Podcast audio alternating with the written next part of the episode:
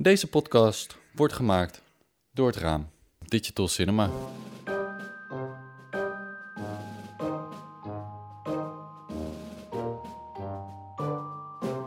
Dit is Achter het Raam, een podcast over cinematografie voor en door cameramensen. Dichter als je naar achter zit? Ja. Als je Ja, zo dat wilt zit- zitten, zit dat wel lekker, ja. meer, eh, Ja, dat is wel beter. Dan doen we dat. Zeker. Precies, heb je laptop meegenomen? Ja, ik heb de hele tijd neiging om beeld erbij te pakken, maar misschien moet dat gewoon... Ja, nou ja, het mag op zich wel, ja, we mo- maar we Ja, moeten een Het is beetje... handig om niet te doen, denk ik. Ja, Het is wel hoe een voorbereiding tussen jou en mij altijd plaatsvindt. Oh ja? Ja, dat begint altijd met een beeld, een, een schilderij of een, of een, eh, een, een foto. Een, een fotograaf, algemeen, dat gebeurt ook wel eens. En dan, Ja, pa- en En dan pak is er je één beeld en of nog geen meer- script. Eh, Ja, precies, En dan pak je één beeld of pak je meerdere beelden en dan eh, Ehm, laat je aan Johan altijd één ding zien om het te openen Hmm. van dit. Nou, v- ja, vaak begint het met, net met één beeld en dan eh, breidt het zich uit naar nog meer voorbeelden. En dan komt Johan weer met een voorbeeld en zo gaan, zijn we aan het pingpongen. Oh, jij, En komt, Johan, jij komt ook echt met, eh dan breng je wel wat in. Ik heb wel zozeer wel volgens mij wel wat teruggebracht, omdat je nou, of niet zozeer per se om, om een, tegengeluid te laten horen, maar ook soms om iets te specificeren. Of nou een foto is zo algemeen. En dan, Ja, wat bedoel je, wat haal je eruit? Ging het alleen om het contrast of ook om de inhoud die ik zag? ja. Of om van dat soort dingen. En, en, en eh, ja, la- de la- laatste keer een schilderij en, of een heel druk iets. Bedoel je dat we gewoon hele drukke dingen gaan maken? Of gaat het om de kleur? Of, of, of, Ja. of de, ja.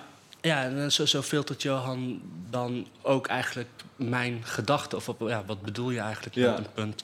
En dan specificeer je het. Ik kan me nog herinneren dat eh voorafgaand Jungle... op een gegeven moment Johan een voorbeeld liet zien... wat hij een tijdje terug had gemaakt. En het was niet het filmpje zelf, maar het was één setup... met een grote lichtbron wat op een tafel viel en weer terugreflecteerde.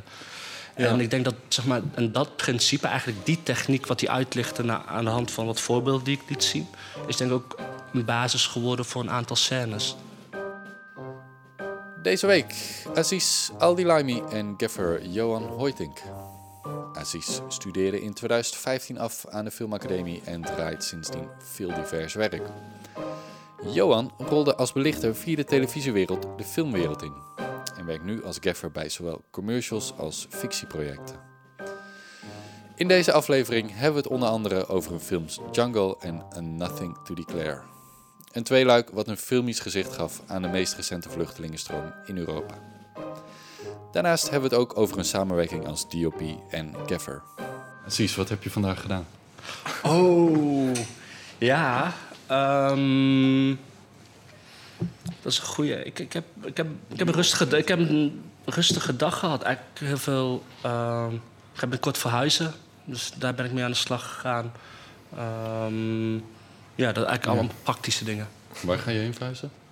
Mm, met een aantal oud-studiegenoten gaan we een eh, huis betrekken, dus dat is heel leuk. Ik denk dat dat weer een bruisend geheel gaat eh, Oh, je gaat echt met Max eh, Lunter, Lunter toch? Ja. regisseur en eh Asscher, scenarist. Ja. Samen.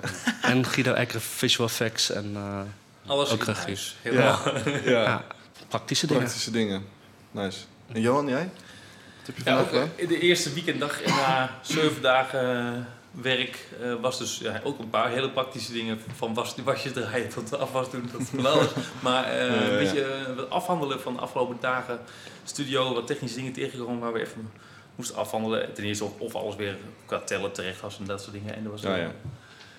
iets misgegaan met eh, flikkering van de HMI in beeld. eh, waar we even goed moesten achterhalen hoe, wat, waar en, en waarom en wanneer en, en wat te doen nu. En, eh, en dan gewoon weer de voorbereiding voor de komende dagen. Logistiek. ehm, wie rijdt wanneer busaggregaat, wel Ja, niet. ja. Hij kon daar blijven staan. eh, de hele logistiek eh, weer kijken wie rijdt dan met wie weer om dan die bus ja. erachter te kunnen laten. Altijd Ja. lekker zo- zo'n dagje waar je even alle zaken weer op orde... Ja, Brengt. en daar paste dit ook nog mooi bij. Dus dat was, eh, Ja, je dat was hartstikke fijn. Komende ja. vier dagen opzet. Ja, de komende vier dagen zijn de laatste vier dagen van de film, de locatiedagen. En eh, dan is dus dat, eh, de film helemaal erop. Oh ja, ja. Moet Ja. het helemaal goed zijn. Maar dus de locatiedagen zijn eh, alweer beter te overzien. Ja, welke film is het? Wat Dit gaat over Project Geo. Dat is een eh, film... ehm, Oh, het is over die vlogger, of niet? Precies. Oh, ja. Vorig jaar hebben ze Dylan Hagens gemaakt, een film over een YouTuber. En, eh, eh, en dit jaar is het met Gio. Mij toen nog niet bekend, maar neefjes en Oh, ja. nichtjes waren gelijk enthousiast. Neem me mee, handtekening. eh, Nieuwe generatie, hè? Die vlog. eh, Ja, ja, maar het is, ik kan zeggen, het is een, het is een leuk, eh, compact script wat, wat, wat lekker veel actie en gekkigheid heeft. En de gekke combinatie deze film is dat Lukine bij betrokken is en wij hun sets en een door hun nieuw gebouwde set mochten gebruiken. En Oh, daardoor volgens mij een, sets hebben die mooier zijn dan wij eigenlijk konden veroorloven qua film, volgens mij. Als, als in, oh, als in de decorsets Ja, bouwen ze. Ja, dat Ja. ja, ze Ja. bouwen dat allemaal echt helemaal in huis, hè? Ja, Dat is echt, en dat eh, is, wordt natuurlijk voor allerlei commercials hergebruikt. Dus dat is dan iets wat zij kunnen- zich kunnen veroorloven. ah. om te hebben staan. En eh, als wij dat hadden moeten bouwen, nee, dat kan niet. Dat kan niet. En zoveel sets in Nederland zijn er niet, volgens mij. Ik weet niet er studio's zijn die sets kant-en-klaar hebben staan. Nee, qua decor. Ja, je kan Nee, bij hun echt een soort van shoppen. Ik heb wel eens een cameraman gesproken die dan een commercial deed. En zei die, eh, dat kozijntje, die deur, die muur, dat Ja. behang. En dan fixen zij het gewoon. En dan heb je ge- gewoon Ja. custom made. Echt insane. Commercial fabriek. eigenlijk. Commercial fabriek. Ja, en vet. zij vinden die, die stap naar film ook heel interessant. En dat is nu dan toevallig een geinige combi. Dat zij gewoon een plek zijn waar sets staan. En, dat, en daardoor hadden we een set Ja. die we anders niet konden voorloven. Dat is eigenlijk, de film kon het zeker ten goede. Want waar, nou, zoals Project Gio al zegt, gaat een beetje over een Project X- X-achtige situatie. Zonder te veel te willen Eh, verklappen, ja, ja. moet dat No dus goed spoilers. misgaan in het Ja. huis. Nou ja, waar mag je dingen, in welk huis mag je het echt goed mis laten gaan? Het oude huis van Assis. Wie Ik ga nu weg. Nooit in je eigen huis laten Nee, nee, nooit in je eigen huis laten nou. filmen. Dat is wel een dikke tip. Wie heeft dat gedaan? Iemand? In zijn eigen huis laten filmen? Nou, het kwam laatst bijna voor bij mij. En toen dacht ik, tot last minute gewoon... Nee, gaan we toch niet doen. Er gaan dingen kapot. We gaan sowieso... Ja, het is echt... Nee, ik heb nog nooit... Nee, Hebben jullie in je eigen huis wel eens iets... eh, Nee. Ik wil gewoon niet dat mensen in mijn huis statieven neerzetten. Nou, ik, vroeger, ik, ik heb zowel als anti-kraak gewoond. En eh, in een kantoorpand, 1200 vierkante meter, met een aantal huisgenoten. En toen heb ik wel eens lichttesten gedaan, omdat er zoveel ruimte was. Ja, oh ja. maar dan ja. is het... eh, Ja, maar dan word je Ja. ook anti-kraak. Dat is ook Ja. een soort andere situatie natuurlijk. Ja. maar hè, dat, dat, dat, dat, dat is mooi aan dat soort eh, locaties. Ja, Ja. ja. Zo. Hey, ehm, jullie werken dus heel, eh, hebben veel samengewerkt, hè? Aan, hoe hebben jullie elkaar ontmoet? Of waren we daar net opgekomen ook al? Nog niet. Ehm, dat was Spanga's op Survival.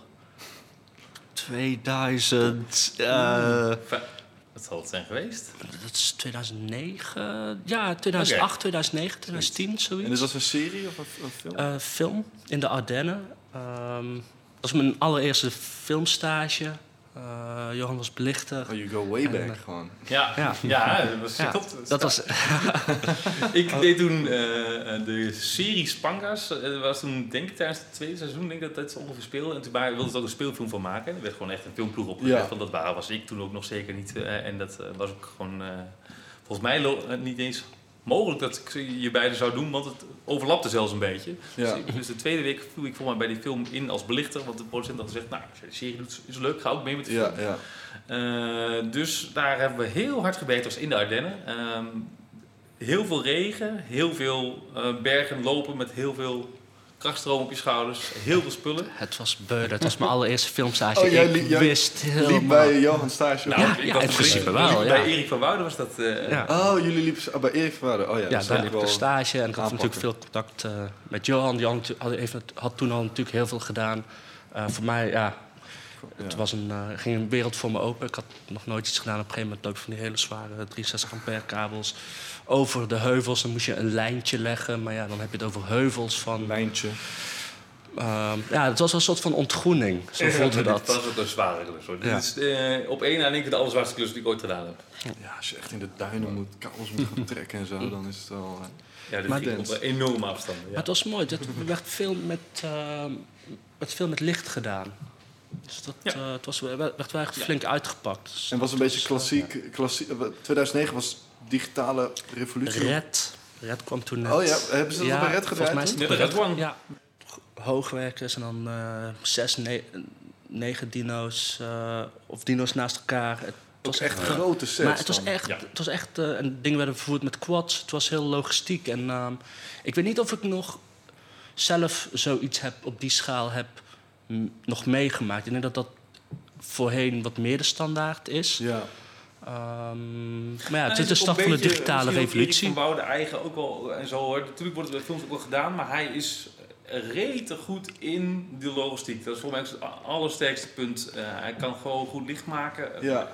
En, eh, eh, Maar dat is ook de helft Ja. volgens mij, toch? Ja, als Ja. Gaffer, gewoon Dat de is- helft is ja, gewoon want, zorgen dat je ehm, mooi licht, licht kan maken. creatief, eh, een gaffer, wanneer, wanneer ben je dat, wanneer ben je dat niet de allereerste, ik, ik kom dan ook heel raar dit vak ingerold. De allereerste klus die ik deed, had ik dan nooit licht gemaakt voor, voor film of niks.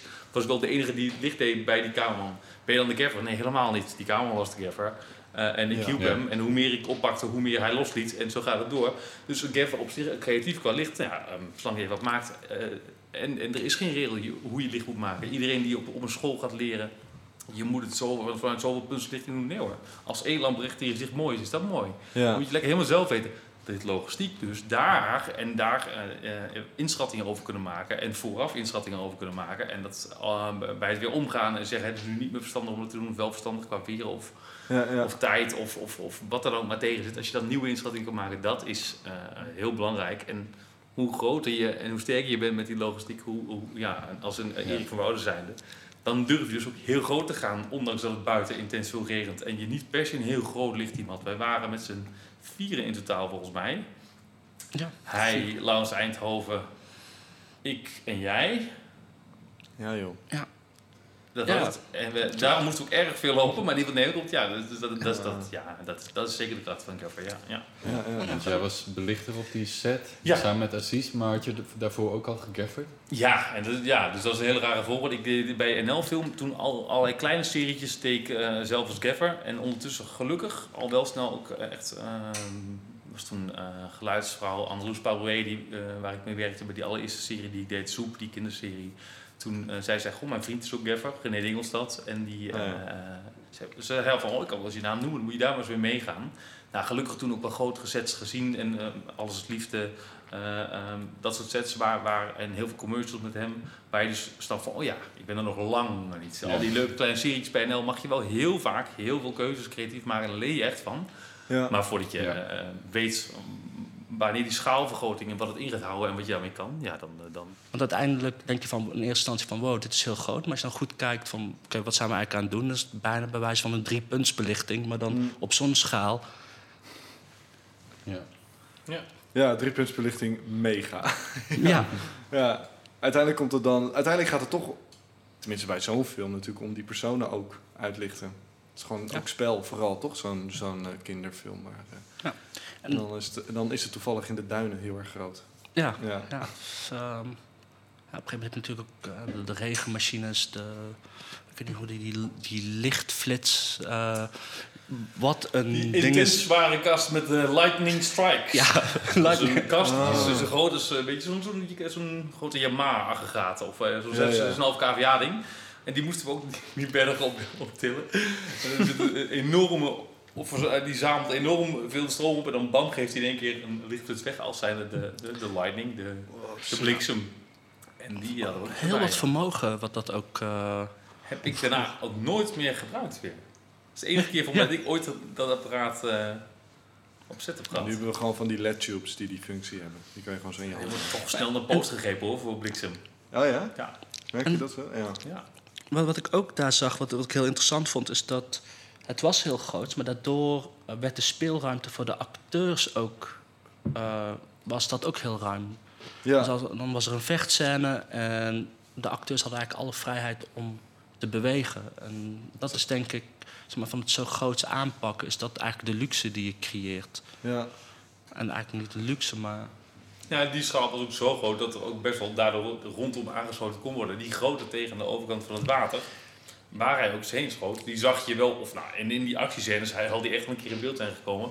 Joh, prima, is Ja. geen niet erg. Dus, en als we dan een keer een beetje links van die poppetjes stonden, oh, dan werd hij daar, dat wel daar weer afgemaakt. Of werd er dan daar even iets bij gezet.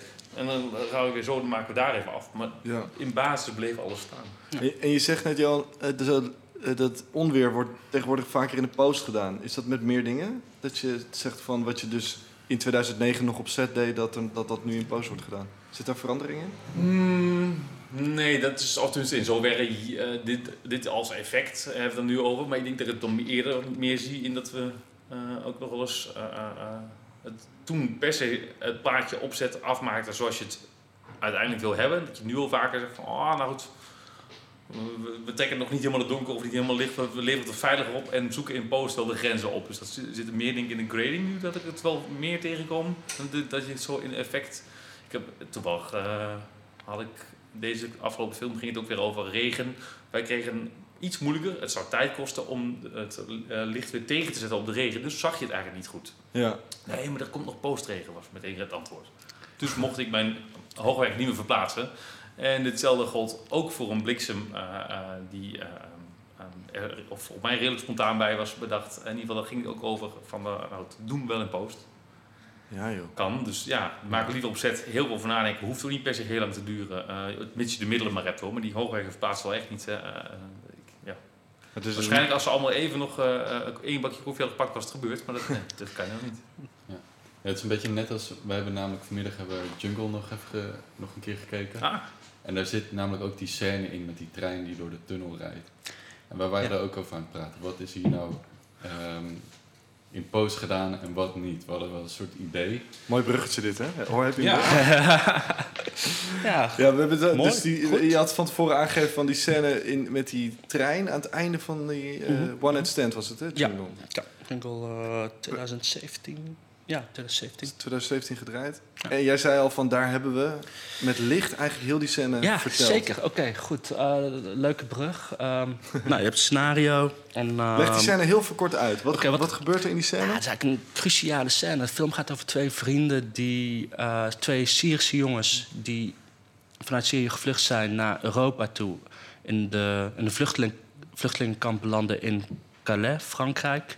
In de En- jungle. In de jungle, zoals, dat, eh, zo- zoals dat eh, ja. noemen. En waarvan ze eigenlijk allebei ooit de wens hadden om, een, om de oversteek naar Engeland te maken. Ehm, en dit is eigenlijk het punt waarop ehm, een van de jongens. Ja, dat is echt een eh, spoiler. ja, het is al spoiler. het is al spoiler, maar het is denk ik wel belangrijk om ja, te vertellen. vertellen. Een van de jongens overlijdt. En dat doen ze, en dat gebeurt op het moment dat zij door de Eurotunnel gaan, lopend eh, vanuit, Fra- ja, vanuit Calais naar Londen, volgens mij. Ja, volgens mij komt hij direct in Londen aan. Ja. Ja. Maar goed, dus dat, dat lees je in het script en dan denk je: oké, wacht, we hebben een, eh, een treintunnel nodig.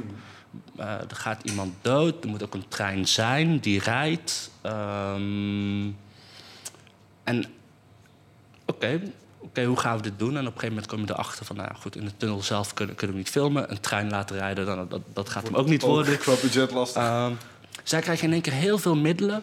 Of heel, heel wat wat je moet vertellen, zonder dat je het echt kan laten zien. Ik bedoel, het is ook heel lastig om te laten zien hoe die jongen doodgaat. Dus ja. eigenlijk alles wat je doet, is, moet suggestief zijn. En ik denk Ja. dat dat een scène is die we...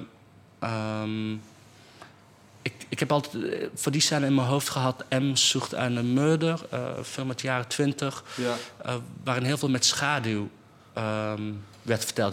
De moordenaar laten ze nooit zien, die kunnen ze niet laten zien. Wat hebben ze gedaan? Ze laten steeds de schaduw van het personage zien... in combinatie met een, een, een leidmotief geluid, een fluitgeluid.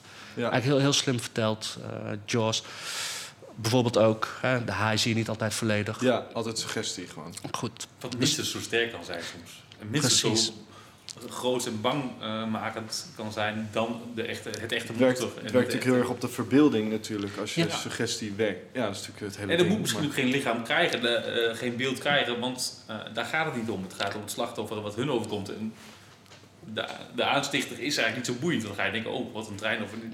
Precies. Ja. Dus- Want hij is in- inhoudelijk heel erg betrokken, hè, Johan? Bij, eh, Volledig. Ja, volledig. ja. Ik bedoel, eh, dat is... ehm, want hoe, dus jij las dat in dat script. Het, die, die trein komt aan, ze lopen in een donkere tunnel waarschijnlijk. Ik bedoel, het is niet zo heel veel licht in zo'n tunnel. En hoe ben je daar, van, vanaf daar, hoe ben je dan gaan denken?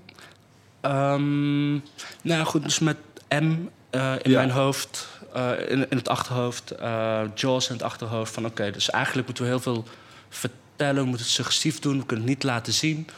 Ehm, nou ja, eerste gedachte was: oké, je wil die dreiging voelen, zien. Oké, nou die dreiging, die trein, die is er niet. Oké, hoe kunnen we dat doen? Toen kwam eh, Roger Deakins, eh, hoe heet die film nou?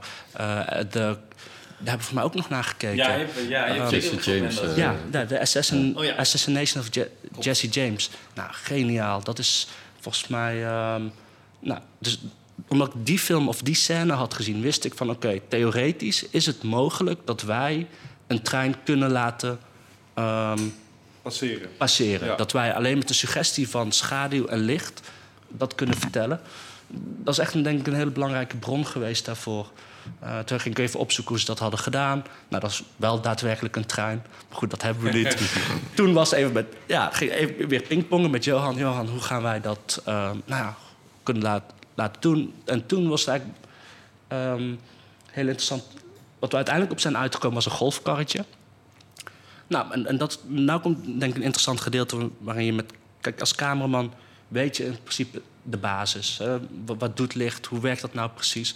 Maar je gaffer heeft veel meer ervaring. Die weet ook precies wat elke lamp doet. En volgens mij wat Johan toen had voorgesteld... was om drie narrow pars Ja. te plaatsen op de golfkar. Dat zijn zeg maar, lampen die een...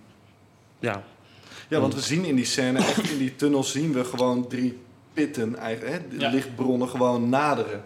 En wij, wij zaten vanmiddag echt frame voor frame even na- naar te kijken van, is dit visual effects? Of, en, en, maar we zagen drie schaduwen ook, hè, in die tunnel. Bovenin hangt een soort eh, kast of zo, dan zie je drie schaduwen. Dus we dachten, ja, hebben ze waarschijnlijk gewoon neergezet.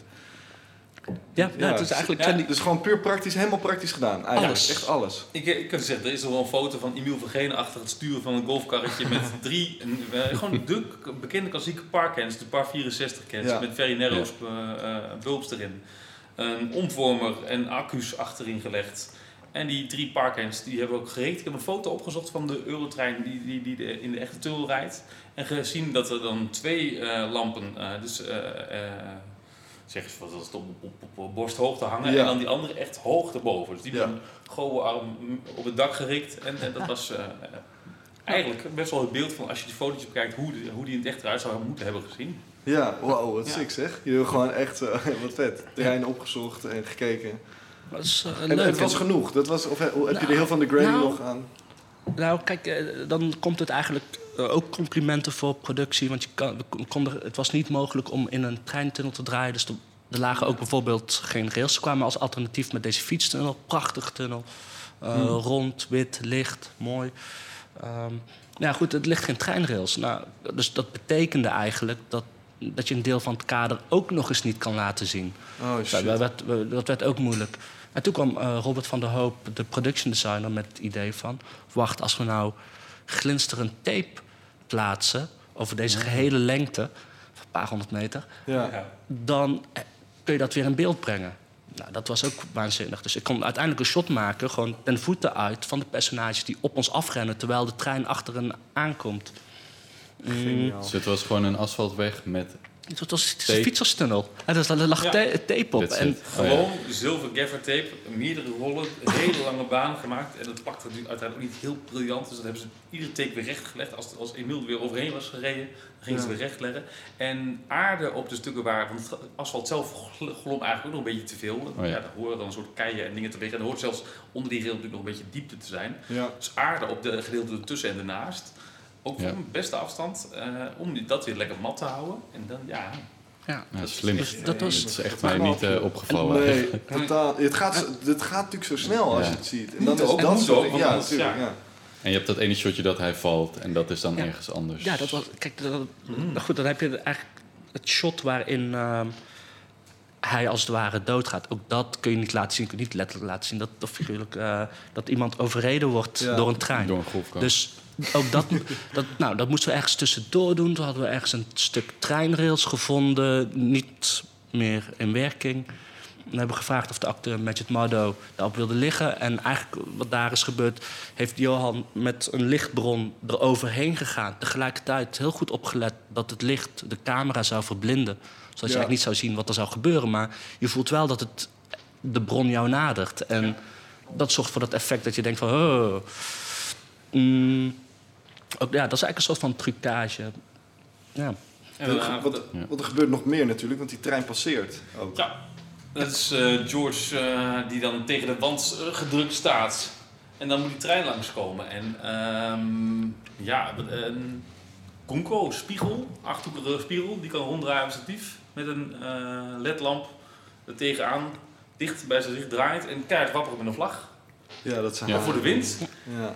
Ehm, als je terugkijkt, denk ik, ja, dat zien we wel. Maar de eerste keer dat je dat in effect achter elkaar tang, tang, tang gewoon ziet, is hij verkocht. Ehm, Ja. Je kunt eh, iedere kritische blik daarna zul je daar ook prima doorheen prikken. Dat geeft niet. Ehm, dat, is, dat, geeft, dat geeft denk ik ook niet. Dat is de illusie van film. Ja, het is voor die eerste keer bedoeld. Ja, maar er zit een sounddesign bij die scène waardoor je denkt, jezus, dit is zo heftig en hard en luid en dan ben je er gewoon. Ja, Ja, ja eh, Jelle van Oosterbrugge, eh, nou, geweldige sounddesigner. eh, Klopt. ver- verhalend, inhoudelijk. eh, ja, topwerk, eh, gemixt door ehm, Michel Shipping.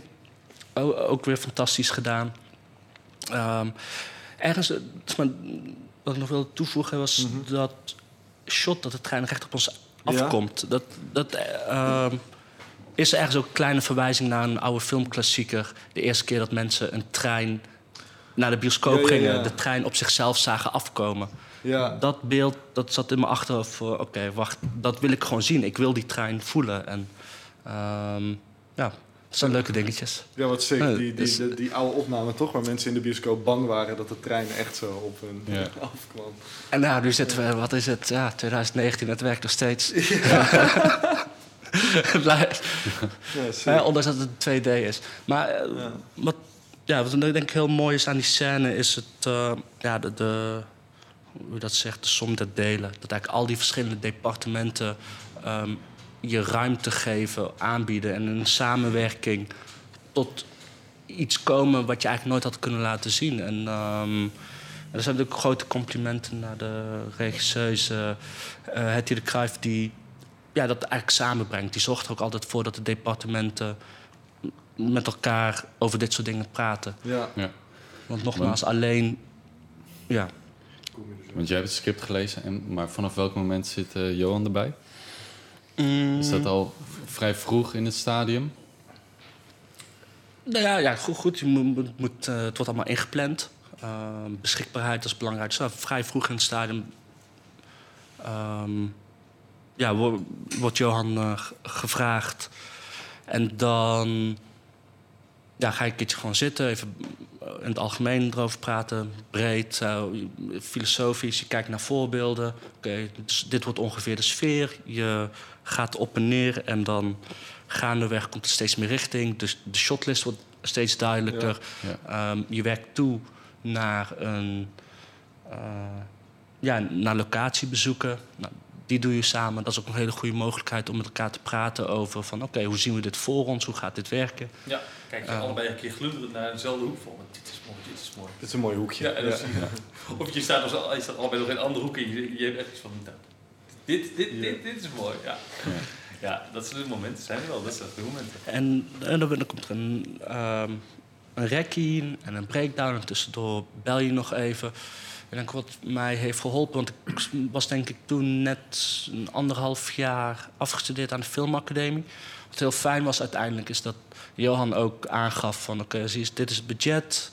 Um, dit zijn eigenlijk de middelen die we ervoor, ja, wat we kunnen gebruiken. En dat werd uiteindelijk ook een beperking ja, wat mij best wel heeft geholpen om de film te maken. Van oké, nou, dit zijn de lampen die we kunnen gebruiken, dit zijn de grootste vermogens. En, uh, nou, Klinkt soms heel raar dat budget een beperking uh, doet. Dat het, ja, ja. Uh, die beperking zeg maar juist opbouwend kan zijn. Maar het vult vaak wel heel veel antwoorden in. Want oneindig alles kunnen doen als iemand ook die vraag stelt. Gooi, met onbeperkte middelen, wat zou je doen?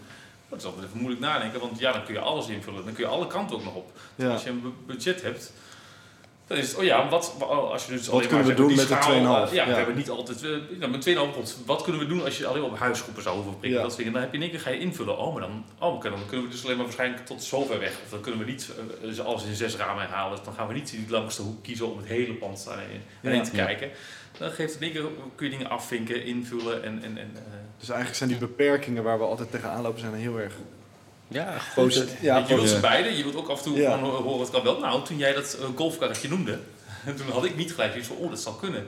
Dus echt even, ik dacht van, oh, dat, al- wat, wat is het niet? Allemaal alternatieven gaan, gaan bedenken. Een statief, eh, weet je veel, gaan we gewoon met een, met een wind-up statief, gewoon die pad afrollen met Ja. een lamp erop. Ja. Want jij, jij hield het bij een golfkarretje. En volgens mij heb je het zelf nog aan productie een keer ook gevraagd, na, naast mijn vraag.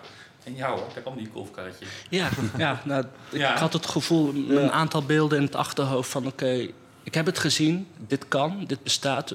ehm, en dit zal een, een toevoeging kunnen zijn voor het verhaal. Wat, we, wat ik fijn vind om te doen zeg maar, met de film of welke productie dan ook... of nou, vooral met langere periodes... is om een soort van basislijst te hebben. Daarop ehm, kun je eigenlijk weet je gewoon van... oké, nou, hiermee kan ik ongeveer dit doen... Ja. maar je hebt altijd in het script een aantal uitzonderingen. En die probeer ik toch wel apart te begroten. Om gewoon aan te geven van... Oké jongens, dit is de basis. Maar hè, dit is een speciaal iets. Hiervoor moeten we... Ja. Ja. En dat... ehm nou, ik denk dat dat belangrijk is om dat aan te kunnen geven. En hetzelfde geldt met camera dingen. Ik, ik kies altijd, zeg maar... Hè, er wordt een budget aangegeven. Dan maak ik een soort van basislijst van... Dit is wat de basis is. En de extra's, dat is gewoon extra. En... Ja. Ehm, dan Dat is is- dat ook duidelijk. Want anders ben je alleen maar aan het rekenen. Als jullie voor het eerst eh, gaan zitten, is het dan al duidelijk wat het budget is voor en wat voor pakket je ongeveer kan hebben? Nee, meestal heb je wel een soort een schaal. Maar dat Ja. budget, eh, eh, regelmatig wordt niet letterlijk een bedrag genoemd. Ja. Ehm, ja. Maar je En- weet, het is een one-night stand. In het geval van Jungle natuurlijk. Dus dan denk je, ja. Ja. oké, dit is ongeveer de, de lengte, de grootte. de- En is dat iets waar je vanaf het begin mee bezig bent? Of proberen jullie soort dit bij de eerste meeting soort heel los, heel vrij te denken? Gewoon en alle- Ehm, dat vrije denken moet je niet in de weg willen zitten, maar het zit allemaal in je hoofd, natuurlijk. Mhm. ja. Maar dat moet je komt. Dat is, dat is, eh, soms zit het te veel in je hoofd zelfs. En en denk, Ja. denk je daar nog niet vrij genoeg. Ja, want Ik- dit is misschien best moeilijk om los te laten, denk ik. Ja. Of niet? eh, het zit ergens altijd wel. Ik probeer eigenlijk altijd vrij te denken. Ja, nee, nee, klopt. Daar ben jij volgens mij nog beter in. Want dat, dat, dat, is, eh, jij blijft, ondanks dat ik al zeg van, we hebben we hebben alleen maar dit. Hoor je dan zo'n eh, een kriebeltje van, als je, maar, maar wat als we dit hebben? Hoe zorg dus je daar dan blijft, voor? jij blijft er wel groter in denken en ook wel af en toe gewoon al gelijk nog, nog weer buiten het boekje terwijl je het antwoord al had gehad. Dat kan niet. Blijf je wel denken en nou, af en toe loont het dus ook. Een golfkarretje, een dingetje. En, Hoe zorg je daar dan voor dat je dat dan zo vrij blijft denken? Kijk, uiteindelijk is altijd de vraag van... Kijk, het, het gevaar is, is dat we in, in cijfers gaan denken. En je moet altijd de vraag stellen... wat gaat dit toevoegen aan het verhaal? En, ehm, je maakt een onderscheid, een script in plot en emotie. En op het moment dat het op emotie aankomt... dan blijf ik, ben ik volhardend. Ja, logisch. Dat, dat is logisch, maar het gevaar is omdat... Hè, op een gegeven moment kun je... Ik heb wel eens een draaidag gehad... dan ging het over van eh, spiegels die op een bepaald tijdstip weg moesten. En dan is in één keer een heel team is aan het werken... zodat die spiegels op tijd weg kunnen. Terwijl ik denk van, ja, maar wacht... het gaat helemaal niet om die spiegels. Ehm, verzin maar iets dat die spiegels later weg kunnen... en laten we ons bezighouden met wat we aan het doen zijn. En dat is film maken. En dat is af en toe... Ja, dat is een balans. En soms is het natuurlijk ook zo dat ik word teruggeroepen in mijn passie en enthousiasme. Hè? Dat is ook de andere zijde. En, en, hè, dat, dat, dat, minder sterk dan het loslaten van dat soort dingen. ja, en dat- mag ook. Ja. soms moet ik ook tegen mezelf zeggen: oké, wacht, dit is gewoon goed, goed is goed genoeg. En, ehm. Maar ik denk, maar ik probeer altijd met zeg maar, plot en emotie daar een onderscheid in te maken van: oké, als, als dit verhalend of op gevoel iets gaat toevoegen, ja, dat is dan, Dan- de drive. Om ja, dan om, ja, vrij te blijven En, denken. en dat, daar voel ik me ook goed bij. En, en, en het enige, mm, het moment waarop je dat kunt doen, is het moment dat je grip hebt op de inhoud. Dat je weet wat je aan het doen bent. Ja. Want anders ga je alleen maar roepen omdat je het vet of mooi. Voor je eigen showreel. Ja, ja, ja. ja. Maar dat, maar- precies, maar dat moet nooit een, eh een eh, drijfveer zijn. Nee. Want Wat- Ehm, Is ehm, nog heel even terug naar als jullie samen zitten bij Jungle. Wat waren, wat waren voornaamste inspiratiebronnen? Even denken. Wat was de eerste foto die, die, die liet zien? Of welke schilderij?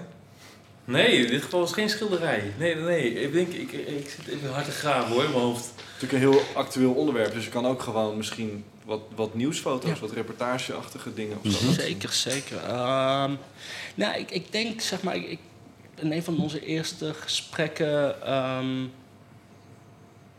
heb ik het gehad over, over smaak. Want het is natuurlijk ook echt een smaak. Eh, waar ik heel fan van ben, is dat het licht, zacht, maar contrastrijk is. Mhm. En ik heb toen volgens mij een foto van ehm Vermeer laten zien. ehm, die ik had gemaakt op de filmacademie derde Oh, ja. jaar. Oh, Ja. de opdracht waar je een Ja, een melk- Vermeer eh, Wat naam was moest maken. Ja, Ja, een, een, een meisje. blablabla. ja meisje een mij- Een melkmeisje. ja, melkmeisje. Ja, sorry. Sorry, Meisje sorry Vermeer. Sorry, Maar goed. sorry Johannes. Sorry, Als sorry, je luistert, Ehm, eh. Als je luistert dan. Nee, wat ik daar heel mooi aan vind, is dat, is maar, dat zacht maar contrastrijk. Ja. Het, het, het, het licht is vriendelijk, maar ook weer. ehm, ehm, Nou, zwart is aanwezig. Duidelijk. Ja. Ik bedoel, Ja. de, de, nee, dat is ergens zeg maar, waar ik aangaf, want dat is gewoon smaak. Ja. Ik bedoel, hè, dat is niet eh, per se de, de, de waarheid. Maar voor, voor mij voelt het altijd wel prettig. Ehm, nou, toen liet inderdaad Johan het ene voorbeeld zien waar ik eerder naar refereerde. Dus met een harde bron, via een reflectie. Ehm, ja, dus op een, een bron op een tafel. eh, en dat kwam terug. En dat, die tafel wordt eigenlijk een lichtbron dan natuurlijk. Precies, je licht dus niet de persoon uit, maar de, de persoon krijgt alleen de, ja, mooi Engels woord, ik weet niet wat het Nederlands woord fall-off van wat er maar valt. Ja. Of het dan halfweer op je lijf valt, of dat het via de tafel valt, maar dat je eigenlijk een soort van ongeluk licht krijgt, maar dan vol bedoeld. Ja, Ja. zeker. Rembrandt deed het volgens mij ook vaak, overigens, in zijn schilderijen. Ja, zeker. zeker. Met boeken en dingen waar dan licht vanaf het boek. Ja, Ja. precies. Eigenlijk zoals... eh, Omdat in de hele verhaal met alle tenten in het kamp en dergelijke is, eh, dingen komen binnen door een kier. Jij zit niet precies in dat, met dat mooie streepje licht op je gezicht, zoals eh, weet ik veel, eh, een andere klassieke film Ja. eh, zou doen. En die heel wat jaren zijn geweest dat wij dat ook allemaal prima mooi vonden. En het is, wanneer je het maakt, vast ook nog steeds heel mooi. Moet je ook zeker af en toe doen. Alleen we wilden dus eigenlijk dat niet doen, want je, je ziet het wel voor je. Iemand zit in een tent, er komt een beam licht binnen. Ja. En hij zit ergens ook in een tent en hij krijgt daar wat van. Er zit, eh, de tent is niet zo heel, dus er zit een kier in het dak. Daar krijgt hij wat van. Er komt een blauw gloed door een zeil. Daar krijgt hij wat van. Ehm, allemaal van dat soort dingen. Eh, En dan, aan de andere kant is het natuurlijk weer heel donker. Dus al die ja, dingen kun je weer spelen. Het zijn allemaal ingrediënten die je kan maken. En, ja. want hier had je het over, hè, Aziz, dat je die tent... Dus er zijn best wel wat scènes waar die tent van dat de hoofdpersoon... eh, ik ben even zijn naam kwijt, niet... eh, eh, Benjamin. Ibrahim en... Ja. Ja, Ibrahim en Benjamin. Zijn tent zitten inderdaad scheuren in dat doek. En je zei van, we hebben gerepeteerd of zo. En hoe Ja. ging dat? Kijk, wat ik eh, destijds eh, had gevraagd aan. ehm, goed, nou, nog een, ik ga één stapje terug doen. Ja. Ehm, resulterend van het voorbeeld wat Johan gaf, eh komen een aantal specifieke lichtbronnen uit. Nou, en dat weet ik. En dan weet ik, oké, dat is mijn speelgoed om mee te spelen. Ehm, Als in dat is de materiaallijst, dus een 2,5 Ja, en een... eh, een 4 kW, 2 Ja, baf 4 dat kW's. is- ja. Oké, nou, dat zijn die scherpe bronnen. Ehm, ja, eh, de tent van Ibrahim en Benjamin. Ehm, nou, Ro- Robert kwam er mee van de pro- production designer om. Nou, die, die gaf aan van de tent zal van zeil gemaakt worden. Dat is best wel stevig. En hij zei van oké, je kan hier een muurtje eruit halen als je wil. En toen kwam bij mij op een gegeven moment de vraag op van oké, maar mag ik er ook scheuren in maken? Nou, daar waren ze een beetje voorzichtig in. Nou ja, misschien een beetje hier en een beetje daar. Waarschijnlijk niet eens voor geld, maar dat gaat over continuïteit. Het draait allemaal weer heel eh Ja. gewoon. eh, Ja, precies. Maar ja. ja, toen, toen ik dat hoorde, werd ik daar best wel vrolijk van. Want ehm, dan kom ik op een andere referentiepunt. Dat was... ehm dat is een World Press foto, 2015 geweest. Dan zie je ehm, eigenlijk Syrische snipers. Die zitten in een kapot gebouw. En in dat gebouw zitten allemaal kieren en gaten. En, dat, en de zonlicht komt daar doorheen. En er zit ehm, eh, een soort van gruis wat tot stof wordt eh, aangelicht door de zon. En dat was voor mij eigenlijk een inspiratiebron geworden voor de tent van Ibrahim. Ik wilde eigenlijk dat je, dat, dat je de oorlog terug zou voelen in die tent. Dus nou ja, eh, handmatig hebben we ook daar scheuren in gemaakt. Ja, wat, wat, wat heel leuk was met dat zeil is op een gegeven moment... eh, toen we begonnen met draaien was de tent een, een beetje heel. en eh, nou, het hier eh, creëert veel op de set. Het is nooit eigenlijk dat ik met haar een hele mise-en-scène vastzet. Ehm, er wordt veel geïmproviseerd. En vaak is het ook voor mij, ik heb ongeveer een idee. Maar eigenlijk pas na de repetitie weet ik pas wat er echt gebeurt. Dus dan kan het zo zijn dat een, uh, dat Magic of George uh, tot, ja, een bepaald eindpositie inneemt of een beginpositie. Maar goed, in, in, de tent kun je niet veel. En ik had, ik had ook vooraf aangegeven bij Jon, nou, ik wil eigenlijk niet al te veel lampen in de set. Dus hoe gaan we dat doen? En, nou, op een gegeven moment ontstond de energie om, nou, waar de acteurs zouden uitkomen. Nou, soms had je, had je geluk dat het bij de tentingang was waar je wel licht van buiten kon laten binnenkomen. Maar soms was het wat dieper in de tent. En dan maakten we scheuren in het plafond.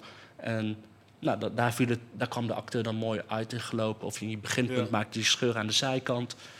Um, en dat was, was, wel leuk om die tent te zien groeien. Of eigenlijk uit elkaar te zien gaan. Maar het, het, werd, ja, het werd organisch. En, um, maar daardoor kregen de jongens ook gewoon de vrijheid om te doen wat goed voelde. Ze waren niet gebonden aan waar staat het licht of waar staat de lichtbron, maar bij maken. En zonder dat het uh, artificieel aanvoelt. Wat waren bij Jungle nou echt uh, grote uitdagingen? Want het is allemaal wel op locatie gedraaid. Dat kamp hebben jullie, dat tentenkamp is echt gebouwd, hè? Helemaal ergens in Nederland gewoon. Ja, nou ja. Uh, maar waren dat een paar tenten of waren dat echt, was het een heel kamp als het ware? Of was het... Dit is een behoorlijk groot kamp hoor. Ja. Ja, was wel echt flinke... Ja, de basis bestond uit een... Uh, nou, eigenlijk wat ik altijd vraag is, zowel aan licht als aan art, is... ik wil in een U kunnen draaien. Dus uh, dat je altijd shot tegen shot en een uh, wijd kan pakken. Ja. Um, nou, die wens leg ik bij uh, Johan neer. Die wens leg ik ook bij Robert neer. Ja. Um, dus je had een, een winkelstraat tegen een heuvel aan. Dat was voor mij een vereiste. Dat ik nooit de diepte in zou kunnen schieten. Want ja, je hebt gewoon niet die ruimte om dat vol te bouwen. Uh, aan het uiteinde van de winkelstraat was een heel groot uh, gebouw. Wat ook weer dus voor een U zorgde. Ja. Omdat je daar weer niet verder dan Ja. kon gaan.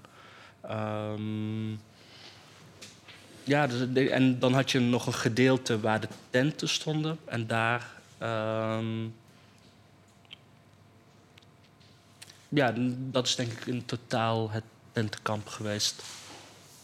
Ja, wat daar dan de beperking zijn, bijvoorbeeld eh, om dit eh, van stroom te kunnen voorzien dat we licht onderbouwen, lag er 200 meter krachtstroom. Op een gegeven moment houdt het op. Wat, wat, er zit ook een beperking aan hoe ver je kan leggen voordat het al zijn kracht verliest en je geen HMI meer gestart krijgt. Ja, precies. Dus dat was eh, ook echt even kijken van, ah ja, hoe ver kan dat? Of moet er een aggregaat komen? Ja. Dat is zo'n budget ding en dat was het de film ook net niet naar, want we Ja. wilden ook van alles. Dus, dus er moest eigenlijk niet zo die krachtstroom die er was. Nou goed, dan moet je... kijken wat kan wel, wat kan niet. En dat sluit uiteindelijk aan. Maar dat was denk ik een beperking. Hoe, hoe ver wij eh, van de bewoonde wereld weg wilden om het iso ja, ook voor geluid. Eh, ja, gewoon echt, altijd zien. nou, die hadden wel een uitdaging hoor daar, maar in ieder geval Ja. eh, spoorlijn, water, alles kon je daar horen en snel weg, Ja, de A10. Maar, eh, nee, maar dus ja, je moest echt gewoon best wel, alles moest met heel veel afstanden. Eh de lichtmoes staat ook een endweg, want je schiet best van alles aan. eh, dus ah, Ja. ja, afstanden, logistiek weer. Nou goed, gelukkig hadden we dat geleerd ooit samen. Dus dat, eh Ja. Thanks naar die zoekfilm. Ja. Spanga's was Spanga's. het. Spanga's, oh sorry, ja, die is Spanga's. Ja, Ja, ja. ja, ja. ja, ja, Ja, dus, Ja, wat? ja maar het, eh, ehm, ja, het production design team ehm, ja, heeft echt waanzinnig werk eh, afgeleverd en ruimte gegeven. Ja, Ik denk, ze, ze hebben ons niet gebonden aan van, oh ja, je shot is van links, eh, links tot rechts. Maar inderdaad, ja, aan de soms moeilijke wens om in een U te kunnen draaien. ja, ja, ja. En dat is, eh, Want het voelt, als, als ik kijk naar die film, voelt altijd heel krap of zo. Die, eh, die- je kijkt altijd net langs een tentje in de voorgrond, of alsof het allemaal heel dicht op elkaar Ja. gepropt staat en zo. Maar Ja. de beelden van het Ja. echte kamp, die ook in, in, in de film zitten daarvoor. Ik had daarvoor dat echte kamp nog nooit gezien. Jij had het bezocht met Hetty en dergelijke. Ja. Ik zag pas in, een, eh, in de film, in het resultaat uiteindelijk, hoe het echte kamp eruit zag. En hoe, ik heb dus eigenlijk alleen maar het gebouwde kamp gezien. En dacht, oh ja, dat is hoe bijna Ja, als art eh, in Nederland, ik ben natuurlijk art, maar in ieder geval hoe zij dus Ja. dan eh, met zeil een, een, een tentje bouwen. Nee, dat matchte heel goed met die beelden hoe het daar was. Het was veel echter en veel eh, geloofwaardiger dan ik had verwacht. Ik had nog geen beeld bij de kamp van eh, in Calais. Ik, heb- ik wist, je hebt vast wel eens iets op het nieuws gezien, maar ik had niet, Ja. niet gezien hoe echt die, die tentjes van ons, eh, eh, eh, die wij mochten gebruiken, die Robert had eh, met zijn hele team had gebouwd, hoe echt en mooi dat was. Ja. Want dit is dus gemixt met beelden uit het echte kamp. Of hoe, Ja, hoe is dat ja, gegaan? ja. Ehm, ik ben daar twee keer eerder geweest. Eh, een een aantal keer. Ja. Ehm, eerste keer ja, om te kijken. Dus, eh, helemaal aan het begin van het proces. Ehm volgens mij ging de tweede keer... En daar heb ik een aantal foto's gemaakt. Ehm, een kleine fotoserie. En de tweede keer hebben we volgens mij... Ja, toen hebben we gefilmd. Eigenlijk, daar hebben we de exterieurs... eh, Want toen heb je echt exterieurs gedraaid Ja. gewoon. Die, Ja. eh, Ja. Oh, dus, maar heb je dat aan. Jan laten zien voordat jullie gingen draaien? Van dit zijn de beelden die ik volgens heb. mij- niet gezien volgens mij. Zoals dat shot van die mensen die met pallets lopen Ja. eh, te sjouwen. En ook dat luchtshot, opening van de film volgens mij. Dat is ook, Ja, is zit- dat het zit- originele kamp, zeg maar? Ja, er zit één drone shot in. Kijk, ehm, ja, dat is, ook, dat is het originele kamp. Dat is niet zelf gedraaid. Ja, wel ook met die witte koepel. Die staat er zo... Ja, kijk, wat, wat daarbij belangrijk was, wat ik al vooraf eh, met Hetty had besproken, was... eh, ja, we hebben een overzichtshot nodig om te laten zien van hoe groot dit Ja. dorpje is. En Ja. dat, ehm, ik, ik, dat was onmogelijk om vanuit welk standpunt dan ook eh, in het kamp te doen. In het Ja. Nederlandse kamp dan, bedoel je? Ehm, ook het Nederlands kamp, als wel Oh ja, dat maar- we daar stonden. Maar gelukkig, deze beelden konden we vinden. En, eh, ja, dat is bijvoorbeeld een, een punt waar je op zegt van ja, dit is echt wat we nodig hebben. Want Ja, dan dus dan heb je meteen- echt een drone nodig. Dat is eigenlijk wat je bedoelt, toch? Van, Ja, we, we ja. konden niet op een heuvel staan en een mooi... Ja, ik stond uiteindelijk ook op een heuvel van die andere exterieur shots, maar dat is niet. eh, eh, ja, Maar, zo hoog gaat maar, het. maar waarom had je per se dat shot nodig vanuit de lucht? Waarom kon het niet Mm. zonder? Om de schaal voor de kijker duidelijk te maken. Ja.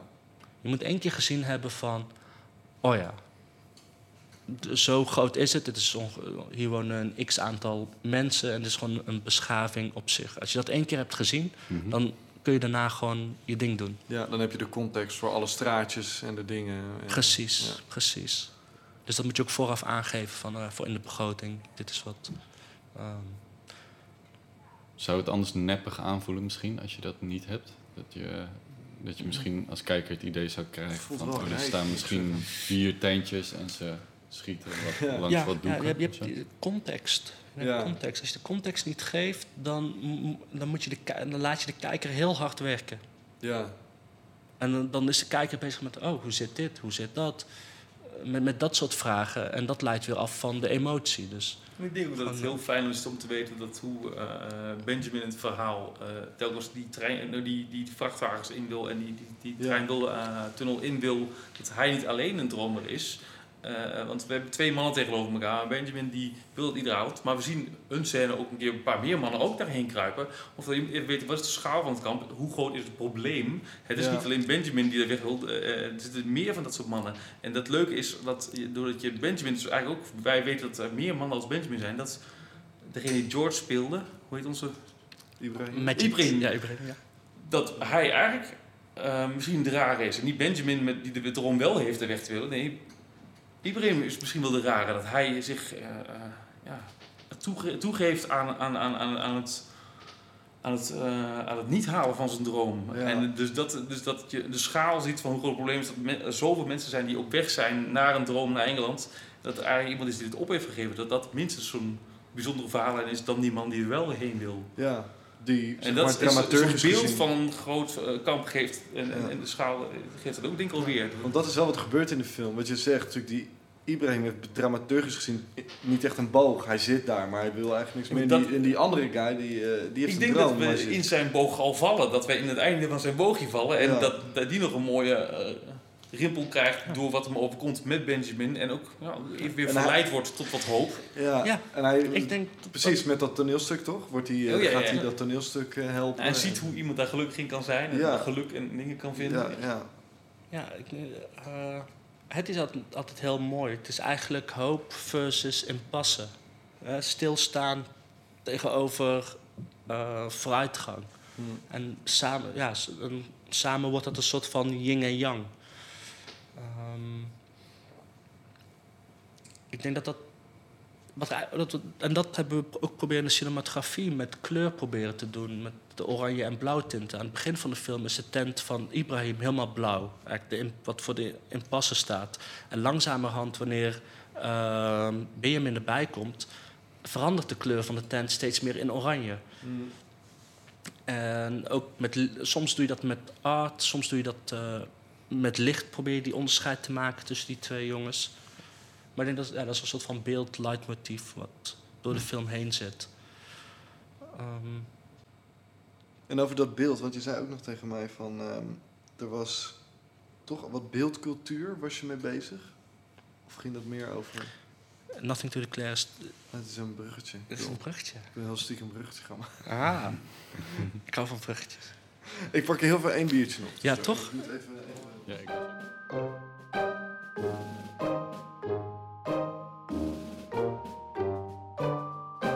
Gebleven.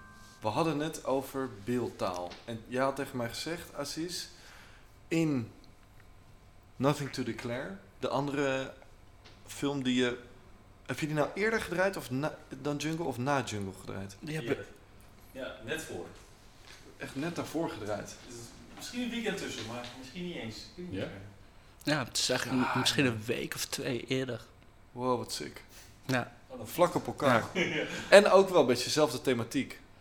En ook Ja. met dat plastic zakje over die hoofden, wat natuurlijk een heel bizar beeld is, maar heel erg. eh, ja, heel. Ja. Ook, ja, het zal waarschijnlijk ook wel echt gebeuren. Ik denk dat Hetty dat dan in de research heeft. eh, Ja, die. ehm nou, op een gegeven moment op het nieuws dat er. eh maar was dat in Oost-Europa? Dat een hele grote groep mensen was overleden. ehm doordat de chauffeur een vrachtwagen had achtergelaten. Ehm, en dat ze ja, eigenlijk dood werden aangetroffen door de politie. Dat is volgens mij een ja, startpunt geweest om een film over te maken. om Nothing to Declare over te maken. Ja.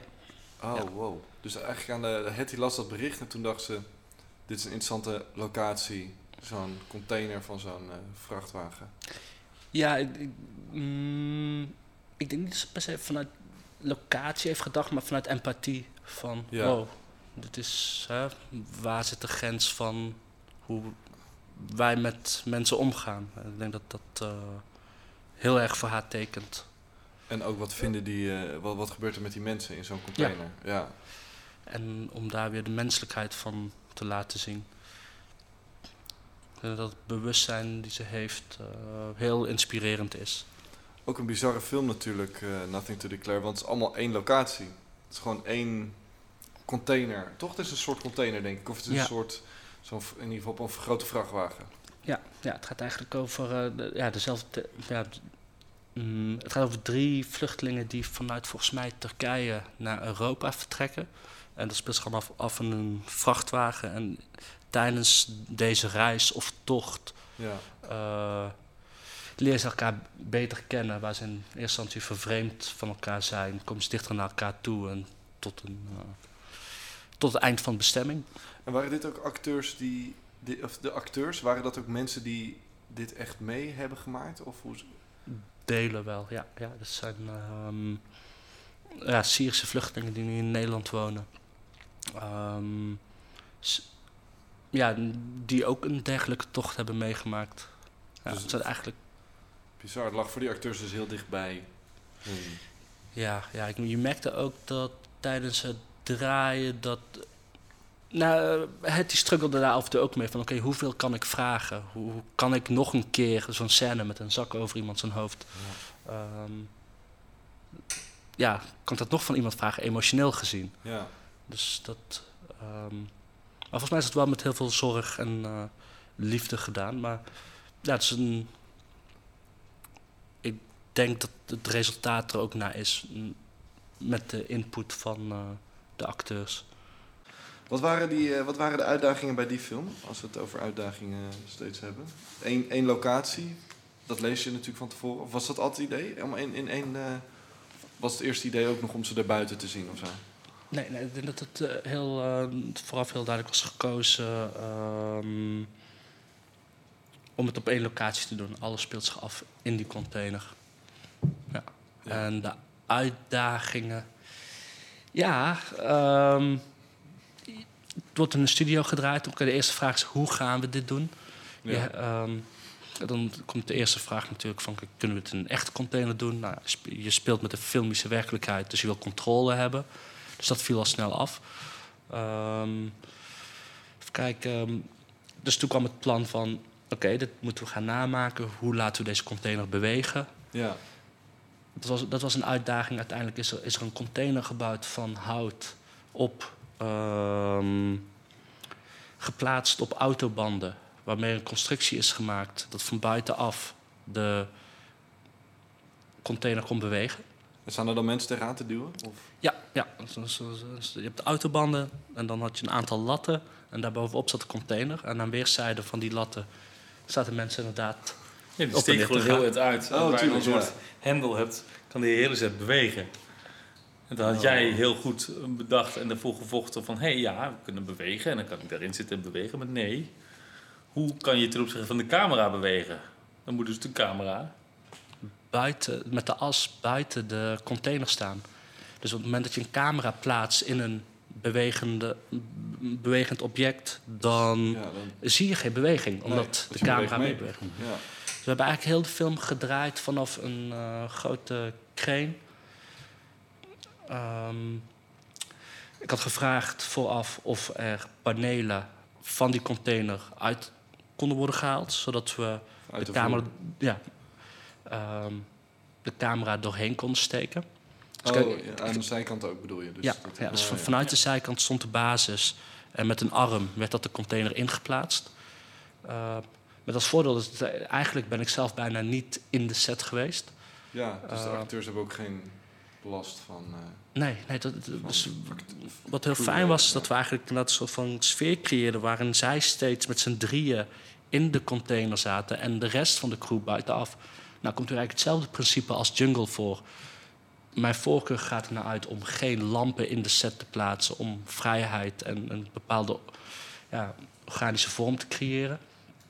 Ehm, daarop hebben we bedacht, een, een plafond bedacht... die ook kon worden, kon worden weggehaald. Maar ik had ook gevraagd of we het plafond ehm, zo konden maken... dat er aan weerszijden licht doorheen kon vallen. Als een soort van raampjes. Ja. En dat werd eigenlijk de basis eh, van het licht, van onze mogelijkheden. Dus eigenlijk creëer je weer een beperking. Ehm, en een andere uitdaging was van, oké, goed, als zij in de container zitten, ehm, wat voor elementen gebruiken we zodat zij licht kunnen vangen en eigenlijk dat we ze kunnen zien spelen. Dat was ook een hele uitdaging. Heb je, Dan- hebben jullie naar een container gekeken? Echt? Hoe, hoe, dit- hoe dat Nou, eruit ziet? de, de werktitel was een container, maar op een gegeven moment is het woord container en het feit container een beetje losgelaten. En ik, ik denk als je de film ziet dat je niet per se meemaakt of het nou een vrachtwagen interieur is of iets. Je ziet ook houten latten. eh, dus het is zo'n, weer een, een betimmering van een binnenkant van een vrachtwagen of iets Ja. dergelijks. Eh, en, en, en daarin hebben we de vrijheid genomen dat een wagen zou een soort. Eh, een soort doorzichtige zeilen bovenop kunnen hebben. Zoiets, zeg maar, waar je Ja. in ieder geval ziet of het dag of nacht is. Waar je in ieder geval ziet als er in een nachtsituatie eh, een, een, een, een eh straatlantaarns, alles welk licht dan van buiten waar zou kunnen zijn. Dat kan een ambient zijn van een maan of wat dan ook. Dat dat ook wel doorcijpelde tot in die wagen. In een soort stemmige vorm dan het buiten zou zijn. Maar dat, eh, die vrijheid hebben we of, of genomen of, of zelf naar, ons goed, naar onszelf goed gepraat. Dat is hoe je het vaak Ja. doet. eh, Ja, ja, ja, precies. en de behoefte nergens letterlijk verteld worden. Want we kwamen, het verhaal komt nooit buiten die container. Het script komt nooit buiten die vrachtwagen. Dus je hoeft niet te verklaren wat het is. Dus ehm, je, je kaart jezelf af dat we zeggen... nou, het gevoel blijft nog steeds een bedompte kleine eh, eh, dichte ruimte. En daarin eh, willen we een aantal dingen kunnen vertellen. We willen vertellen, hé, hey, ze staan nu stil. We willen vertellen, en het, die shake eh, van de vloer ten opzichte van de camera... die op de vaste studiovloer staat, is deels... vertel je er meer rijden, niet rijden. Maar oh, als je dan geen geluid of geen licht zou hebben... is dat, is dat toch minder sterk. Dus da- daarin hebben we ehm, allerlei bewegend licht over die wagen laten komen. Bewegend licht in de zin van gewoon echt eh, eh, een, een hele lange buis met twee ledpanelen eraan... die gewoon hard zwaait over die wagen. Als zijn de, de, de, de, Ja. Straatlantaarns. ehm, ook een aantal lampen met eh, een, fietswiel ervoor... waar je een foambordje in twee... een soort propellerachtig eh, erop plakt. En dan gaat dat weer voor lampen langs. Dat weer Ja. eh, ja, een beetje pulserend licht... alsof er een soort tempo en beweging in zit. Ja, maar eigenlijk wat we hebben gedaan is gewoon westerse conventies geplaatst op, op een Oosters verhaal. Ja, En dat, ehm, ik denk dat dat voor mij wel belangrijk was om het zeg maar, ook inzichtelijk te maken. We, hebben hier kijk, we nemen in het Westen een soort van beeldcultuur aan, wat voor ons, hè, dit is de manier hoe je dit vertelt, dit is wat cinematisch is, dit is. eh, En ik denk dat ik daar wel een soort van in beeld een crossover heb willen maken tussen hè, een, inhoud wat leunt op een andere wereld naar, en dat vertalen naar een plek wat ja, naar onze taal, beeldtaal. Ja, en dat dat, dat zit dus heel erg in, eh, in beeldtaal, als in refererend naar bijvoorbeeld schilderijen weer. Als in, eh, zeker. wat, wat je zei, hè, daar had je het over gis, beeldtaal of zo. Ja, er zit bijvoorbeeld. ehm, kijk, waar ik veel naar heb gekeken is. eh Coen Brothers hebben qua compositie, qua lenzen, ehm, qua licht zit er een moment in. Oh ja, daar zit het mij. Oké, dus, dus, eh, richting het einde van de film er zitten drie personages in de film: één meisje, twee jongens. En ze zitten aan het eind van een uitputtingsslag, uitdroging. En het meisje zit met een jongen op zijn schoot. Dat is eigenlijk een letterlijke verwijzing naar La Pietà van volgens mij Michelangelo. Eigenlijk waarin Maria Jezus op haar schoot heeft. En met dat magische licht wat zo binnenkomt. Dat is wel echt gewoon puur om een soort van... Dat ook letterlijk gezegd, dat je dat zo wilde. Ja. Dat beeld is Ja. echt... eh, Eigenlijk gewoon puur om een soort van... mm, ja, de westerse kijker te verbinden aan iets wat ver van Ja, hen maar afstaat. Dat En- moet je Ja. ook niet vergeten. Komt, we zijn eh, eh, wel het, bedoel, eh, waar het verhaal vandaan komt. Je maakt het voor de westerse kijker. Ja, Dus dan hoeven die niet een beeldtaal van. eh, je wilt natuurlijk een soort crossover. maar je, moet- er moet een soort aansluiting misschien zijn richting... Anders raak je eh, ze nooit. de- Ja. ja. precies. Ja. Want, want eh, zou je, is misschien een beetje lastig te beantwoorden, maar zou je kunnen zeggen van hoe je het dan op een Oosterse beeldtaal had kunnen gooien of zo, als je dat had geprobeerd? Nou, mm, is, is dat, was dat Ik, ben natuurlijk ook heel westers opgevoed in een bepaalde beeldtaal. Ehm, ik vond het interessant wat iemand zei van... oké, als ik nu het woordje auto zeg... en dan komt er een bepaald auto in je, in je hoofd... en dat is vaak een Amerikaans merk. Of woestijn, dan zie jij de woestijn van... eh, weet ik veel, Colorado voor je. Ja, Ehm, ja, door dat soort elementen te verwerken met personages... die wij als ver weg zien ehm, te vermengen zorg je denk ik ook voor dat het dichterbij komt. Ehm, nou goed, hè, La Pietà is, eh, is natuurlijk een voorbeeld. eh, de cinematische beeldverhouding, dat is een voorbeeld. Oké, ehm, een Oosterse kijk op... Ik denk dat bijvoorbeeld Picasso heeft dat heel interessant gedaan. Die heeft op een gegeven moment heeft hij Afrikaanse maskers heeft hij, eh, verbeeld in zijn eigen werk... waardoor het cubisme is ah, ja, joh, ja. en dat is, Oh, dat, en dat is zeg maar voor mij. Kijk, heel veel, eh, zeker vroeger, eh, kunst wat voortkomt uit ehm, religie is gebaseerd op een soort van of een romantisering of een streven naar realisme. Mhm. En ik denk dat wat we, ja, de keuze die we bijvoorbeeld in Nothing to Declare hebben gemaakt, is eh, juist tegenovergesteld. ja. Ja, Waren jullie heel bewust van, van die, van die crossover? Van Ja, dat, eh, tuurlijk. Ja, absoluut. Kijk, je hebt natuurlijk dat... Mm, was 2006 boek van Joris Luijendijk. Hoe, hoe kijken wij Oh, ja. naar een andere... eh, het zijn net mensen, heette dat boek. Ja. Zei ja. Kijk, als je dat leest en... mm, kijk, ik ben daar ook heel bewust van. Kijk, als ik vroeger vriendjes had bij me, die bij me thuis langskwamen... en die kwamen bij mijn vader wat drinken... dan zeiden ze altijd tegen mij... is, jou, is jouw vader boos? Want hij praat zo raar. Ik zeg, nee, hij is niet boos. Het is gewoon hoe hij praat. En dat, dat, daar zit dus eigenlijk al een soort van... in je communicatie naar elkaar Ja. toe... zit al een groot verschil in. Dus daar, was ik, daar ben ik me heel erg bewust van. Ook omdat ik in een andere cultuur ben opgegroeid. Van oké, wacht. Dus hij uit zich zo, dit komt zo over. Oké, hoe ga ik dit, deze twee werelden naar elkaar toe brengen? In principe was ik dat vroeger die dan tegen een vriendje zei van... ja, maar dat, hè, zo praat hij nu eenmaal. Ja, ja. En nu doe je dat alsnog, maar dan met beeld. Dus ik denk dat dat, ehm, dat bewustzijn, ja, dat zit erin. ja. Dit, het, is, eh, het is ook wat ik bijvoorbeeld merk met eh, westerse kijker. En ik, kijk naar een Jap- Japanse film. Hier in het Westen heb je aan het eind van de scène heb je altijd een winnaar. Hè? Er zijn twee verhoudingen. De een eh bokst tegen de ander op. En je hebt iemand die soort van overwint. Of komt tot een catha- catharsis komt. Ja. En je, in Japan kan het zomaar zijn dat je aan het eind van de film... er eigenlijk helemaal niks veranderd is. Je zit tegenover Allemaal elkaar ja. en ja... En ik ik denk, nou, daar, mag je, nou, daar mogen we ons soms eh, bewust van zijn. En zeker met zulke gevoelige onderwerpen. ja. Eigenlijk mensen die zichzelf niet heel makkelijk Best kunnen... Syrië is een eind weg en heeft zeker een heel andere cultuur. En ik vind het super interessant. hoe Het verschil tussen Japans en Europees kan, eh, kan ik zelfs Ja. van. Ik heb volgens mij The Ring heb ik een keer de Amerikaans gezien en een keer de Japans gezien. Die, die verschillen heel erg. Ja. Dat kan ik onderscheiden. Maar ik zou helemaal niks weten van verschil tussen beeldtaal in die landen hier. Maar het is ook eigenlijk heel dichtbij. En we zijn ook eigenlijk heel dicht bij die mensen. En daar zit al een verschil tussen in hoe dingen eh, gedaan worden. En ja, nou, ik heb daar niet de wetenschap van gehad toen we dat maakten. hoor. Want ik heb dat nu achteraf pas steeds meer meegemaakt. Ja, ja, ja. Na die Nothing to Declare, na Jungle heb ik er eigenlijk... Dat was eigenlijk mijn eh, introductie tot, tot het hele eh, geheel. Maar eh, ja, daar is heel interessant dat je dat dus... Ja. Is het Ja. toevallig dat jij je bezighoudt met die films? Of heb je... Want bedoel, je maakt natuurlijk Jungle en Nothing to Declare. Dat zijn beide films die heel erg... eh, in ieder geval de- het thema vluchtelingen en andere cultuur ook aanraken. Is het toevallig of, of heb, je, heb je daar een beetje naar gestuurd? Ja, ik- mm, goed, als ik kijk naar een eindexamenfilm die ik natuurlijk ook met Hetty heb gemaakt, is dat ook natuurlijk een onderwerp, Nachtoord. Nachtort.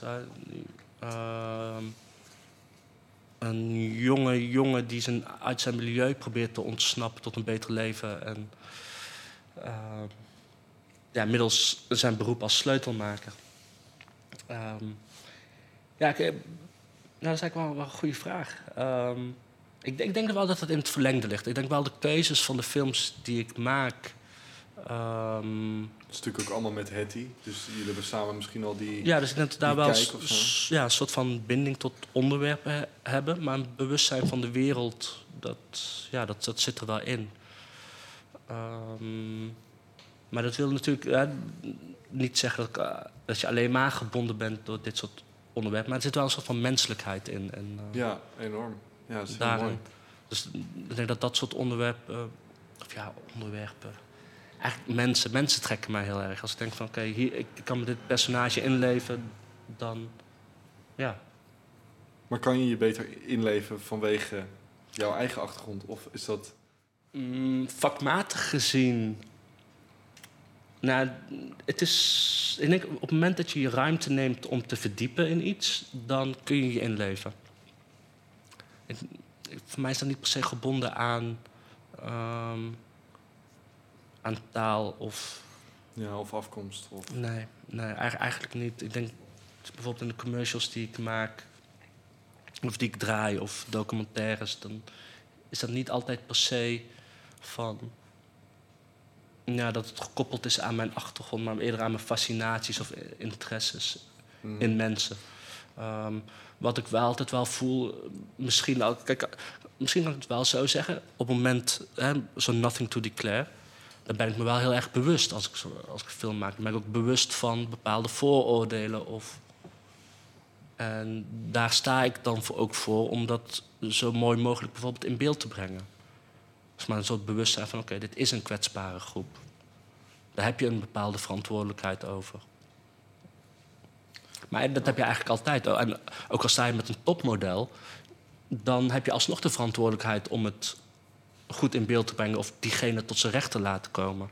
Ja. Dus ik zou daar. Het is eigenlijk een soort respect richting eh, je onderwerp. En, Je onderwerp, ja. ja, en ik denk dat dat eigenlijk altijd het geval is en moet zijn.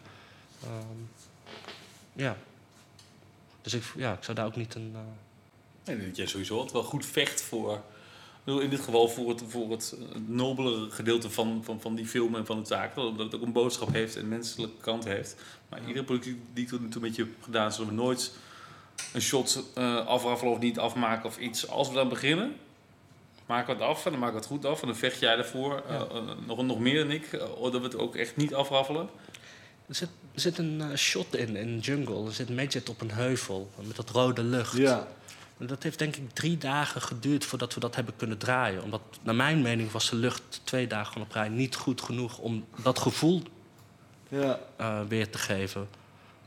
Ehm, en eh, dan heb je geluk als je een hele fijne opnameleider hebt, eh Marijn Praat, die dan zo flexibel is, die jou die ruimte ook geeft om dat te Ja. doen. Dat, dat is niet altijd zo. Ehm, maar ik denk, ja, een soort van. Ik, vind altijd dat je wel een soort van bewustzijn moet hebben. En Waar waar je een commercial ook een klant hebt die vecht voor zijn dingetje, is bij een dramafilm of een, of, een- of, of, of een serie, wat je dan ook maakt. Mhm. Je bent de DOP en de klant in één, samen met de regisseurs in dit geval. Maar in ieder geval, eh, ehm, ehm, dat bewaken van het hart moet Ja. jij doen. Je bent dus niet alleen de cinematograaf.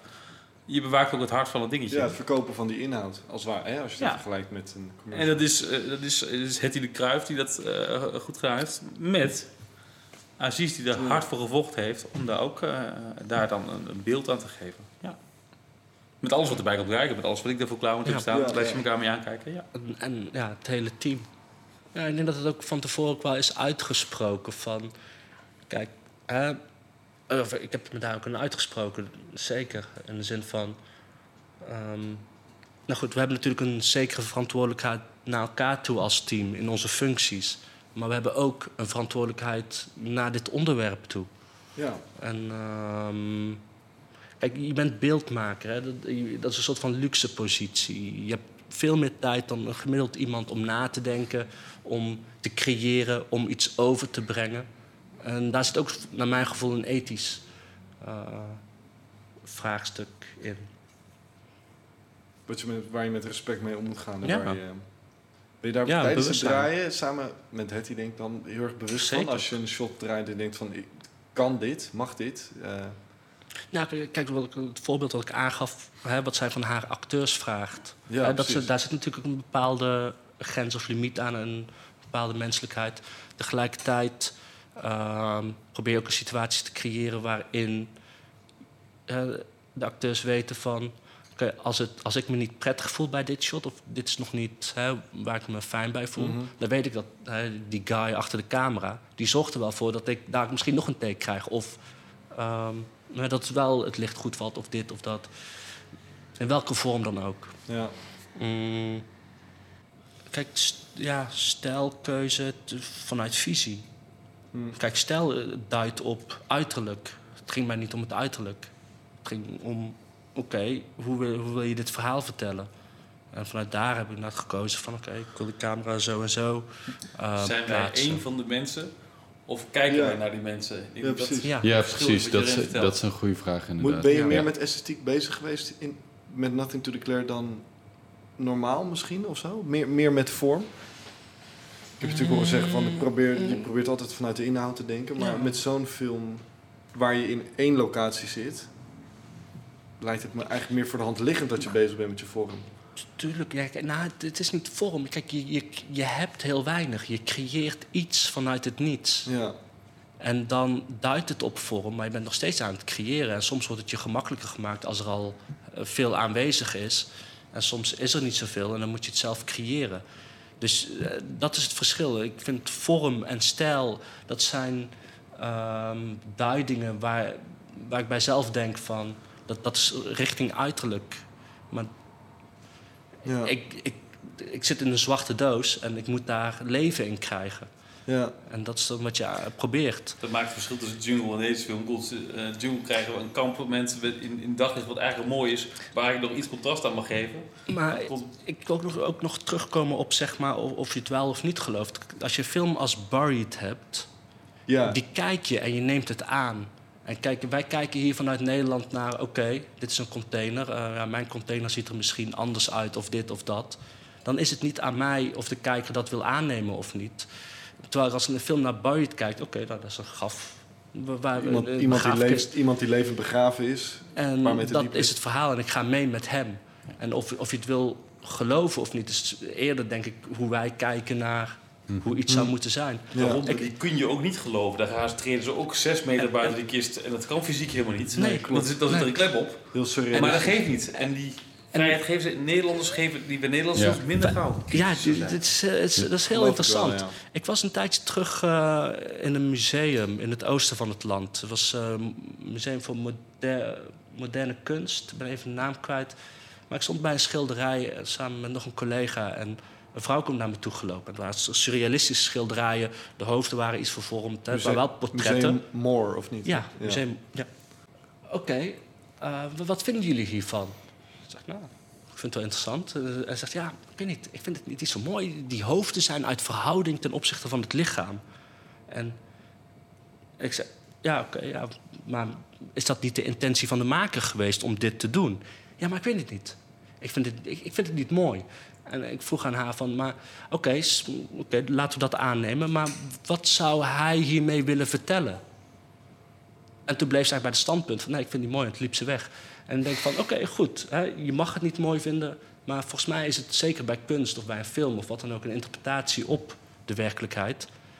Ja, en zoveel en, ruimte krijg je dus van een kijker. En ja, in, ja, in hoeverre, ja. en in hoeverre wil je daarin meegaan of ja, in hoeverre wil je dicht bij de werkelijkheid komen? Ja, en ik weet niet of dat. Eh, kijk, als je, het gaat, eh, als je Nothing to Declare gaat beoordelen om van hoe ver het bij de werkelijkheid komt, denk van, ja, dan ga je het heel lastig krijgen als je die film kijkt.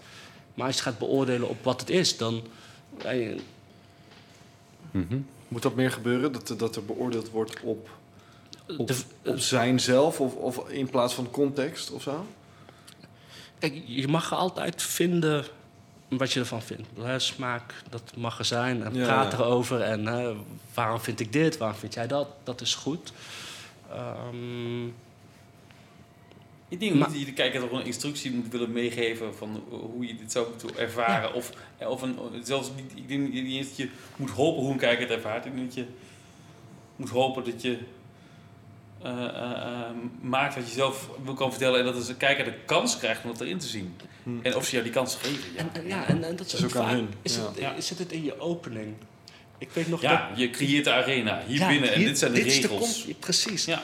Ik weet nog, dat, dat was wel heel grappig. Ik zat, uh, volgens mij was dat Wolf, uh, hoeveel jaar terug, vier, oh. vijf terug. Zat ik in de bioscoop en er zaten twee jongens voor me, pubers. En op een gegeven moment begint die film. Het was die ene jongen tegen de andere. Huh, is deze film zwart-wit? ja, fuck, ah, wat is dit? Oké, okay. goed, het, de film begint. En, uh, je gaat met die personages mee. En aan het eind van de film zie je heel de zaal applaudisseren. Ja. Uiteindelijk maakt het helemaal niet uit, zwart-wit, paars. Nou, die film verbaasd me ook, want ik heb die toevallig voor mij in Pathé Arena gekeken. Nou, als je een, een, een grote zaal. Ja. Uh, nou ja, dit is niet eens een vorm van zaal. Het publiek wat daarop afkwam. En oh, in, in, in, in, die uh, van Amsterdam in de zaal zit. Het was vooral, nou, er werd luid, volgens mij, dus sommigen staand gejuicht toen de borsten van Beaumart in beeld kwamen. uh, maar die echt hey, dat kan die film allemaal hebben, maar dat maakt hij ook teweeg. Dus dat vond ik ook heel leuk. Maar er werd ook wel echt aan die film gekeken. Het was aan de ene kant dus echt even een soort van, nou, afgeleid, allemaal kletsen toen die film begon. Van, oh, mm -hmm.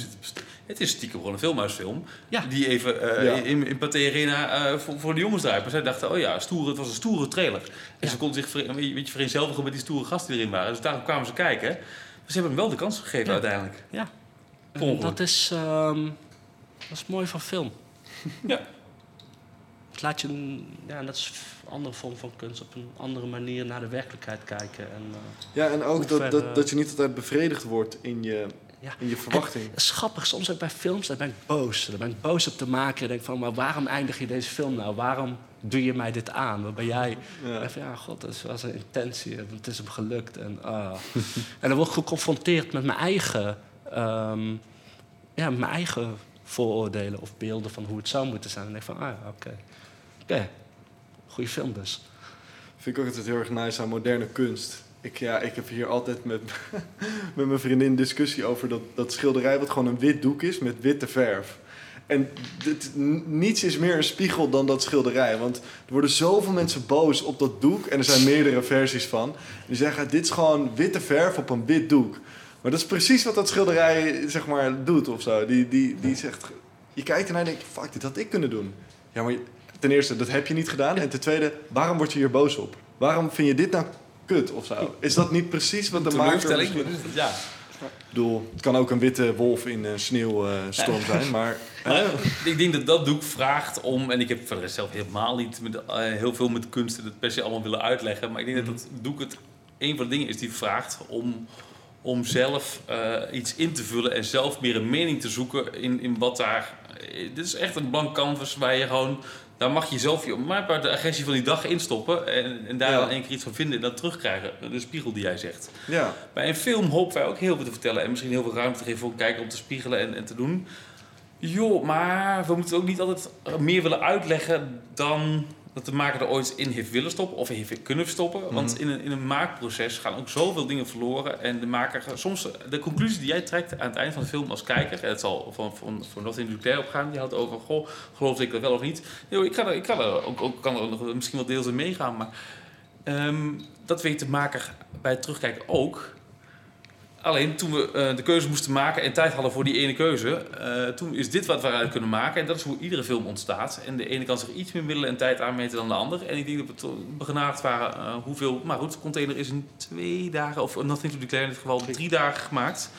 Ehm oh, daar. achteraf, als wij nog een keer moeten mogen maken. Want ik denk, ik weet niet hoe bewust wij toen minder realistisch of iets surrealistischer hebben gemaakt, hoe bewust dat helemaal was. Het is een ontstaansproces waar wij vol lekker omarmd hebben toen het ons overkwam. En dat eh, stuurde ons in het doormaken van het volgende dingetje. Want daardoor durfden wij ook weer een vrijheid te nemen in een lampje. En het was niet omdat wij per se iets onder, Ja. of, of surrealistisch willen maken. Het is meer dat overkomt je tijdens het maken. Dat omarm je wat je er mooi aan vindt en dat bouw je uit. Ja, en hoe, hoe constant ben je daarin? Want ik denk, zeg maar, hè, wat je er ook van vindt, eh, die film is wel zo constant en zeg maar, beeldtechnisch ook goed Ja. gemaakt en gedaan. Dat ik denk dat dat, dat is niet meer in een. Dat heeft niet te maken met een afwijking of. Maar dat is een, op een gegeven moment wordt dat een keuze. En, Ja. ehm, Dat is die arena waar je het over had, die je Ja. schetst aan het begin. En daar vertel je de waarheden mee en, en de regels binnen het universum wat je in het verhaaltje vertelt. En daar moet de kijker de eerste paar minuten zijn verwachtingen aan, aan, aan, aan, aan, staven. En dan moet, is het aan ons om daar te blijven voldoen. Om daar af en toe iets te prikkelen om er vanaf te wijken. En dat is het. En ja, En als je achteraf dan denkt van ja, maar ga ik hierin mee of niet? Of niet? dat, is hebben wij oké. ook. Dat is oké. Ja. Dat is goed, dat mag. En eh, dat prikkelt weer. ja. Aziz, ik denk dat heel veel mensen zouden zeggen dat jij een heel zorgvuldige maker bent. Maar je bent ook wel vrij, of zo. Ja, ja, volledig. Ik denk dat dat helemaal klopt. Ik ben on- mijn voorbereiding is bijna tot het pre- ja, precieze aan toe. Dwangmatig. Ja, het is eigenlijk gewoon echt neurotisch. En dan op de set, dan wil je als een soort van vlinder eigenlijk je ding doen. Ja. Maar ik zie het wel terug vaak, vind ik. In, eh, ook als we naar dat Cineville filmpje kijken wat jullie laatst hebben gedaan. Vind ik ook heel zorgvuldig gemaakt. Ook al, me- zeg maar, als in strak. Hè? Dan bedoel ik niet alleen dat alles bijna van statief is gedraaid of van Dolly. Maar als in eh, uitgedacht. Of een heel... eh, maar het is wel tegelijkertijd... Hoe verklaar je dat nou? Ik vind dat dus een hele dunne lijn volgens mij waar je op kan lopen. Maar hoe verklaar je... Hoe, Persoonlijkheid. ja. Ik denk dat het gewoon puur persoonlijkheid is. Ik denk dat ik een hele. ehm, ja, een heel precies iemand ben en eigenlijk bijna in cijfers en precies wil weten van oké, wat zijn de verhoudingen tussen voorgrond, achtergrond en wat worden, de, wat, wat worden de kleuren die in deze film komen en hoe verloopt dat. En, ehm, maar tegelijkertijd ben ik ook een dromer en dat zit er ook weer in. Van, en daar staat, ontstaat ook weer ja, gekke dingen uit. En eh, ik denk, dat vind ik eigenlijk nog misschien wel eh, het interessantste bij, ook bij collega's of tegen, tegen mensen bij wie ik opkijk. Dat ik bijna zeg maar. Als ik kan voelen van, oh ja, degene die hier achter de camera staat, ja, dat zie ik terug. Dan denk ik van, ja, dat, is, dat, dat vind ik heel vet.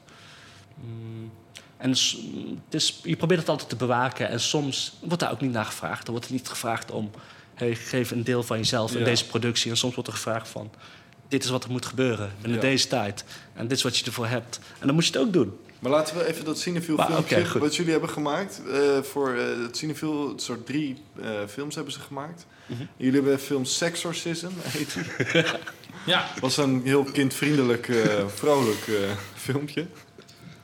Ja, was wel, was wel heftig, maar de- dat, dat is eigenlijk wel een goed voorbeeld wat ik net zeg. Heel zorgvuldig, ik- Ja. uitgedachte dingen. de techniek vraagt daar deels al om natuurlijk. Want eh, die is echt op film gedraaid. En dan... ehm, 35 mm, anamorphic. Ja, gewoon dan eh, zeg maar, dat vraagt om, om meer discipline. Dat betekent niet dat je zeg maar, niet hoeft uit te pakken of gek te doen. Maar oh joh, ik draai die dagen 35. Dat is de eerste keer. En hé, wat kijken. Ik heb ooit best mooi één dag ingevallen op een productie met, met, met eh, volgens mij was het Sharif Korver en Alex Buits, die volgens mij een project op, op 35 hadden gedraaid, staat bij mij. Oh, de informant, of weet je? Nee, Infiltrant. De- Infiltrant. Ja. Volgens mij, dat is iets waarvan ik weet, joh, oh ja, film. En dat, oh ja, dat uh, Arjen Seikers toen Gaffer, ik best boy eh, één Ja. dag invallen. Dat hij eh, volgens mij ook, ook wat strakker bezig was en minder eh, eh, vrij, volgens mij. Kan ik me herinneren dan andere producties die ik met hem had gedaan. Eh, Ja. eh, eh, in, ieder geval, in ieder geval, dat was, voor mij is Seikers sowieso altijd wel vrij pragmatisch bezig. Mhm. Maar in ieder geval, daar kan, ik- dat kan me herinneren. Maar voor de rest, ik nooit de film gedaan. Dus goed op in te proberen te lezen en te doen. En dan ehm, durf je misschien ook nog iets minder af te wijken. Aan de andere kant heb ik wel proberen te lezen en te kijken. En ook van, goh, maar wat moet je wel durven? En, en wat is je speelveld? En dan moet, daar moet je ook gewoon dat zeggen. Oké, nou goed, ik heb mijn hekjes rondom neergezet. Daarna ga ik daar binnen wel proberen te rennen om eh, heen en weer rennen. Om, om alle kanten van al die hekjes een keer te zien. Hm. Eh, dat heb ik volgens mij wel gedaan. Ik heb wel geprobeerd. Weten dat we een film willen, moet je niet eh, te clean film willen draaien. Want ik heb in die voorbereiding, en eigenlijk heb ik als achteraf als bedacht, nooit echt gehoord. Wat hebben we nou qua film stok? Eh, is dat iets wat, eh, eh, hoe heet het? ehm, ehm, je draait een film waarschijnlijk omdat je een soort oude filmlook wil. Een herinnering die we hebben van film. De, de beperking van film is het mooie van film hebben wij die moderne stok waar ook nu eh, Hollywood op draait, die juist clean is, waar je film kan draaien alsof het geen film is? Ehm, of hebben wij, eh, die, dat wist ik dus niet. Want waarom... Het- het- want het- waarom Dat is leuk, dat is, dat is heel leuk. Want Ja? ik ging eh, voorafgaand dit gesprek ging ik even wat mailtjes zoeken van oké, de interactie tussen mij en Johan. Van hoe gaat dat nou eigenlijk? Toen kwam ik eigenlijk heel weinig mailtjes tegen, want wij vaak dan bij elkaar gaan zitten en dan deze alles was vrij bespreken. kort dag staan bij, of in ieder geval Ja. deze was Ja, even minder over gemaild dan anders, ja. ja, ja en, dat vond ik wel grappig te zien. Van, oh ja, als met sommige samenwerkingen dan heb je heel veel op de mail staan, omdat je elkaar minder vaak ziet. Ehm, maar in een van de mailtjes die ik had, gaf ik aan van... Johan, ik heb meer eh, punch in licht nodig, want mijn lenzen zijn wat zwakker. Ik had niet per se de meest scherpe lenzen. Ik had misschien aanvankelijk eh, de, de Zeiss Master Anamorphics of de Eh Anamorphics willen hebben. Maar het werden de Elite Anamorphics, mooie lenzen, maar wat zachter. Van, Oké, hoe ga ik dat... en dat- ja, want dat is denk ik... ehm, tegenwoordig in de kleurcorrectie kunnen we ook best wel een filmlook nabootsen. Maar eigenlijk zijn je lenzen nog meer bepalend dan bij wijze van de stok. Want de stok, die, mm, daar kun je nog mee spelen. Mhm. Dus eh, in, in dat mailtje wat ik naar Johan had gestuurd, vond ik leuk om te zien van... Oh ja, er moet meer punch in komen in het licht. En dat, dat zie je eigenlijk ook goed. Bijna de, hè, de basis, dat zijn een aantal snijspots die Ja. continu terugkomen. En met meer punch bedoel je eh, scherper of meer contrast?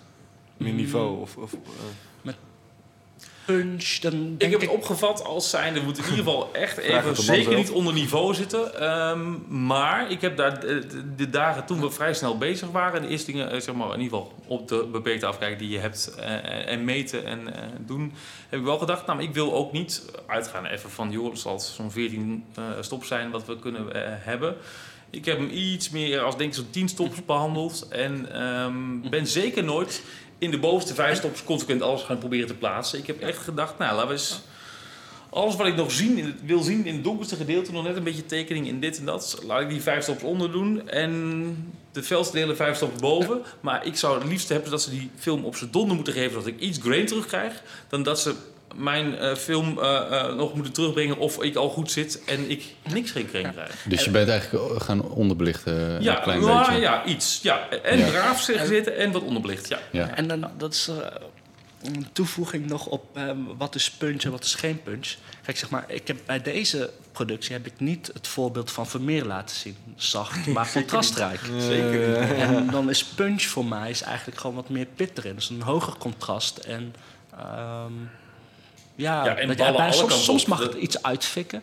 Maar dit is, we hebben het, inderdaad, dus het is heel netjes opgenomen. Ik heb echt complimenten gekregen van eh, eh, de colorist uh, Laurens. Ehm, ja, dat het gewoon dat hij zelden eigenlijk zo goed zijn ja, filmmateriaal terugkrijgt. Dus dat Hmm. is. ik ben nog steeds aan het zoeken hoe Johan het nou precies heeft gedaan. En welke, ja, nu legt hij het uit in welke range die heeft Ja. uitgelicht. Maar ja, dat zat er allemaal in. Ja. En ik- in datzelfde gesprek die ik met de colorist had, die zei ook van... en ik ga dat proberen in de toekomst ook wat vaker te doen... ehm, belicht ook digitaal als film. Hij, hij vertelde een verhaal over Roger Deakins die... eh, vaak wordt aan hem gevraagd van wat, wat is nou het verschil tussen eh, film of digitaal. Hij zei ja, ik, belicht nog steeds zoals ik film zou belichten. En eigenlijk is dat hetzelfde. Die sensor is een negatief. En dat moet je niet anders behandelen. Eigenlijk is een monitor is waanzin. Dat, dat, dat, Ja. dat klopt niet. Dat gaat niet kloppen. Dat, dat- daar is het niet voor gemaakt. Altijd een vertaalslag. Ja. eigenlijk. ja. En iedereen die eigenlijk op een monitor kijkt, kijkt naar iets wat niet af is. Die kijkt naar een JPEG, als het ware. Ja, lutje.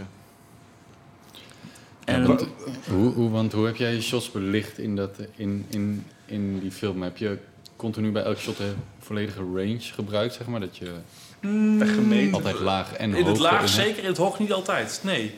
Ehm, en let wel, we hebben het over afkijk bij digitaal en de- hoe dat er is en hoe dat niet reëel is, maar gebruikt wordt. Eh, bij film, eh, de afkijk was belabberd. Wat jij door jouw zoeken ziet, was door een rechtstreeks beeld door de lens. En is dus meer eh, op af te gaan wat ik op die monitor zag. Het is, want ik denk dat de staat van film in Nederland eh, ook zo ernstig is eh, en, en niet eh, ge- eh, gebruikelijk is, dat wij een hele oude filmcamera krijgen. Dat geeft niet. Eh, dus ik weet niet hoe oud deze is. De afkijk is een heel beperkt videocameraatje, die denk ik slechter is dan eh, eh, je, je, je, je vaders laatste eh, eh, eh, handicam eh, die erin zit. En dat zien wij op een monitor. Oftewel, dagelijks kunnen wij een plaatje beoordelen op een monitor. En wap, je kijkt naar een beeld en je denkt, is dit, is dit serieus? Ga ik, eh, ik zie eigenlijk zo goed als niks. Het is een soort hele slechte bewakingscamera die in je, bij in je, bij in je filmcamera geplakt is. Maar dus dat zorgt alleen maar weer dat je dat dus gewoon meteen moet loslaten. Het is fijn om te weten eh, eh, wat er in kader is en Ja. wat niet. Maar voor de rest, je moet gewoon meten. En kijken en zien, weet je, wat vind je mooi? En dat checken met meten. En nee, klopt, dan heb ik eh, het, het eh, ehm, in, in niet alle shots proberen de hele range te maken. Ik heb alleen eh, vaker heb ik nog bewaakt dat we in het eh, donkere soms eh, juist lekker lieten dichtlopen, maar heel vaak nog wel een aantal dingen zagen en die bewaakte die er nog net in zouden zitten. En met het hoog heb ik eigenlijk meer gewoon creatief voor mij gespeeld. En met jou ook. Van, en toen jij een paar, op een gegeven moment voor mij ook iets, iets meer durven. Dat denk ik halverwege de dag. Of zeg maar, hebben we gezegd van nou, iets meer durven in de, in de, in de, in de, in de hoogte, in de felheid. En dat, daar was er natuurlijk al die dansvloer er ook bij. Dus er was er sowieso al wat aanwezig. En om dat nog aan te vullen, moet je ook meer overheen gaan. Dus het was ook goed dat het zei. En daar hebben we volgens mij eh, eh, Ja, ook in de hoogte af en toe ook dat nog meer scherper opgezocht. Aan de andere kant vond ik niet erg dat het in de ochtend niet was. Is, want denk, joh, krik het maar liever op dan dat het er niet is. Ja, Dat is leuk. Je creëert samen een gemeenschappelijke taal. En zeg maar, hè, dat opkrikken. Ik zei dan meer punch. En dat van Ja. Johan, die maakt dan weer een vertaalslag in. Van, oh ja, wacht, bij hoge lichten ga ik even nog. Ja. Dat is leuk. Ja. en hebben jullie het hier ook samen over de grading gehad? Wat, jij, wat er dan nog in de grading bij gaat Nou, komen eventueel? Je grading is ergens wel bepaald door... Ik heb ja, vooraf... Ik kijk niet Ja. zo heel vaak af van... eh, ik kan me vooral herinneren, we hebben hiervoor een clip met dezelfde regisseur gedaan. En Eh, ik- David-Jan ik- precies- Bronsgeest. Precies, Grote daarom. vriend.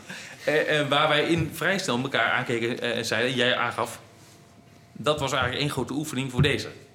Of andersom, maar maakt niet uit. Maar in ieder geval, dit, we hebben het eigenlijk deels al een keer gedaan. Ja. Dezelfde club, dezelfde locatie, hetzelfde gevoel. Ja. Het is niet, dat, het niet eigenlijk zwakte, het is eigenlijk meer, hey, bam, we nemen dus die ingrediënten en, en, en, en nu krijg je de ruimte van Cineville om daar een, een, een- en voor David Jan Bongeest was dat om nog extremer te gaan. Want die eerste heette ook geen sexorcism, dat was de clip voor eh, Eva Simons. Simons, eh, eh, Escape from Love. Escape, Ja, Escape from ja, Love. Escape from Love, oké, Ja, check. ja, ja. Maar in ieder geval, dus dat was een clip die gewoon commercieel gebruikt moest kunnen worden. En, en die, ik wil zeggen, en, en die, Dit is echt... dit, Dit is is eigenlijk wat hij versie. toen had willen doen. ja, wat hij toen niet mocht maken. Maar die zou je eens een keer erbij moeten kijken. En die, dat, dat is...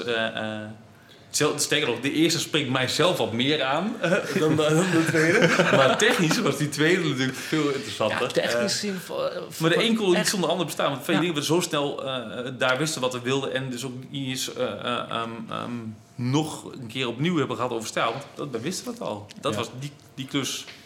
Ja, want misschien, eh, misschien heb je het al gezegd, maar dit was voor jou de eerste keer op film eh Ja. Gavre, toch? Ja, zeker. Ja. zeker, Ja, ja, ja. Hoe beviel dat? Dat beviel qua afkijken eh, schrikken en uiteindelijk heel goed. Want, Ja. ehm, Want normaal werk je heel veel met een monitor. Of, Ja, zeker. Ja. Ja. Ja. en dan werk ik dus niet alleen met een monitor. Dan is iedereen die op de monitor kan kijken die een mening heeft. En als ik iets hier schrik toe, hoor je zelfs de meisjes van kleding al piepen. Eh, niet, soms niet letterlijk, maar soms hoor je ze... Of je krijgt complimenten wanneer het eh, mooi is of niet. In ieder geval beide kanten op. Maar Mhm. iedereen heeft een mening. Dat mag ook, want ze kijken allemaal Ja, ik nee, heb- maar dat, dat is iets wat bij film Kijk- wel weer gelijk warm terug is. Oké, het plaatje tussen de DOP en de gaffer. Ik ik moet daar ook wel echt bij zeggen van met die monitor van ehm, ja, ik- ja, nogmaals, het is een soort van eigenlijk pas in de grading, dan pas kan je eigenlijk doen wat je wil doen. Je, je ligt uit voor de grading en je ligt niet uit voor een monitor en daar zit Ja. voor mij zo'n essentieel verschil in. Ehm, ik, krijg soms gewoon ook van de crew pas eigenlijk achteraf van... wow, wow, dat ziet er goed uit. Ja, of van de producent of van de regisseur. Pas achteraf. Maar ik weet het al lang van... oké, dit is wat ik wil gaan doen. En ik vertel het van tevoren. Ik laat mijn voorbeelden zien. Zo gaat het eruit zien. Dit is wat we gaan doen. Ehm, maar die vertaalslag naar wat ze zien op de monitor... ja, die is heel moeilijk om te maken. Dat is een bepaalde expertise. Maar ja, soms word je daarop beoordeeld op die monitor. Terwijl ik denk van ja, het enige wat ik nu aan het doen ben... ik zorg ervoor dat alle informatie erin zit. Er zit misschien hè, qua, qua licht een bepaalde gradatie in zachtheid of een punch. Maar eigenlijk ben ik gewoon ervoor het zorgen dat dat op dat negatief valt. En dan, in de grading, dan pas gaan we zien wat het echt wordt. En vooraf spreek je je kleurcodes af van oké, dit moet erin zitten. Ja. Maar qua esthetiek, Ja. ja, Ja, dat iedereen is, natuurlijk een redelijk oké plaatje gewend met een lutje. Nee, maar af en toe heb ik wel eens mensen soort van ja, dan zitten ze in de montage, ja, maar het ziet er niet zo. eh. Ik denk van, ja, maar Of als je per ongeluk een Ja. lamp langs laat komen, ze zien iets moois. Dat is zo gevaarlijk. Dan is van, van de cameraman die het wel terecht mag vinden. eh, ehm, zo- als er iets per ongeluks gebeurt is, ze vinden het dan mooi. En oftewel, je bent, je bent nog iets aan het bouwen. En je, je vraagt om vijf minuten, wat al veel te lang voelt. Blijkbaar voor de opnameleider of voor iedereen. En ze zien iets langs wat er mooi is. Dan heeft zelfs een opnameleider iets van... eh op, op een kijken, je bent er toch? Eh, is het nog niet goed? Nee, de lamp kwam ongeluk langs. Wil ik lopen naar de plek waar ik hem heen wil zetten om hem dan neer te zetten. Je, je krijgt allemaal meningen. En dat wel, eh, eh, ik denk dat ze allemaal Ja. hun vak En- beter kunnen uitvoeren door er wel op mee te kijken. Ja. Maar ze zien ook ongeluk dingen van andere vakgebieden. En ik, ik, ik, zou, ik zou ook bijna willen stellen van, hè, het klinkt heel zeurderig van ja, die monitor. Nee, maar ik denk dat eh, wanneer je de monitor beschouwt als een communicatiemiddel, dan is het fantastisch. Want hè, we, we kunnen allemaal aanwijzen, hey, dit Ja. is dit, dit is niet goed, dit is wel goed.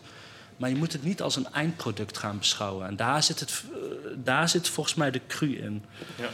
Ehm, ja, dat be- met dat bewustzijn is het echt fantastisch. Een lang leven eh, digitaal. Weet je ook waarom al die vingers altijd op die monitor zitten. Het is een aanwijsmiddel. Ja. Dus daarom moeten we ze altijd Blijf schoonmaken. poetsen hier. ja. Echt. Ja, e- eigenlijk is die waveform is nog veel belangrijker.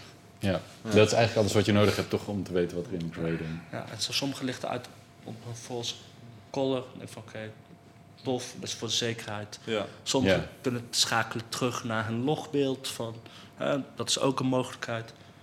Ehm, ja. Draai je nog wel eens zonder monitor?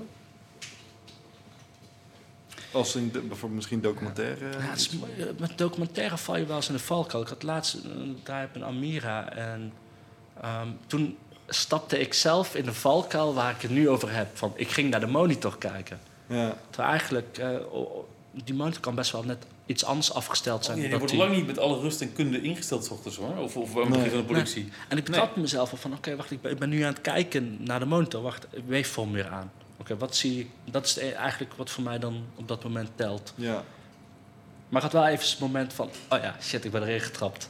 In Ja. de verleiding. Je hebt nu Ah. ook die eh, hele verleidelijke TV Logic monitors met eh high bright, weet je wel. Dan denk je, oh, nou. Overdag buiten heel lekker, maar Ja, ja, je ziet dingen die er... Er zit al punch in die er eigenlijk nog niet gemaakt is. Ja. Alsof je over de, even, even bij de focuspoeder meekijken. Dat is ook gevaarlijk. Want, eh, je kunt het net niet meer tot de monitor terughalen. Of er is een beperkt monitor. Ik heb sinds dit jaar gelukkig mijn eigen monitor nu opzetten regelmatig. Als ik Oh, het mee ja. mag vuren en, dan, dan gaat dat goed. En dan heb je een afkijk die je gewoon donders goed kent. Los van al hoe die nou staat. Ik ken hem uit duizenden. En dan weet je gewoon, oh ja, ik, zit, ik ben er nog wel of niet. Maar even met de uh, focuspoeder meekijken. Los van die ingezoomd staat. Ik af en toe denk, oh ja, is nu, gaat goed. Dan bleek iets in beeld en denk ik, oh nee, oh ja, komt, hij, staat- hij kijkt ingezoomd.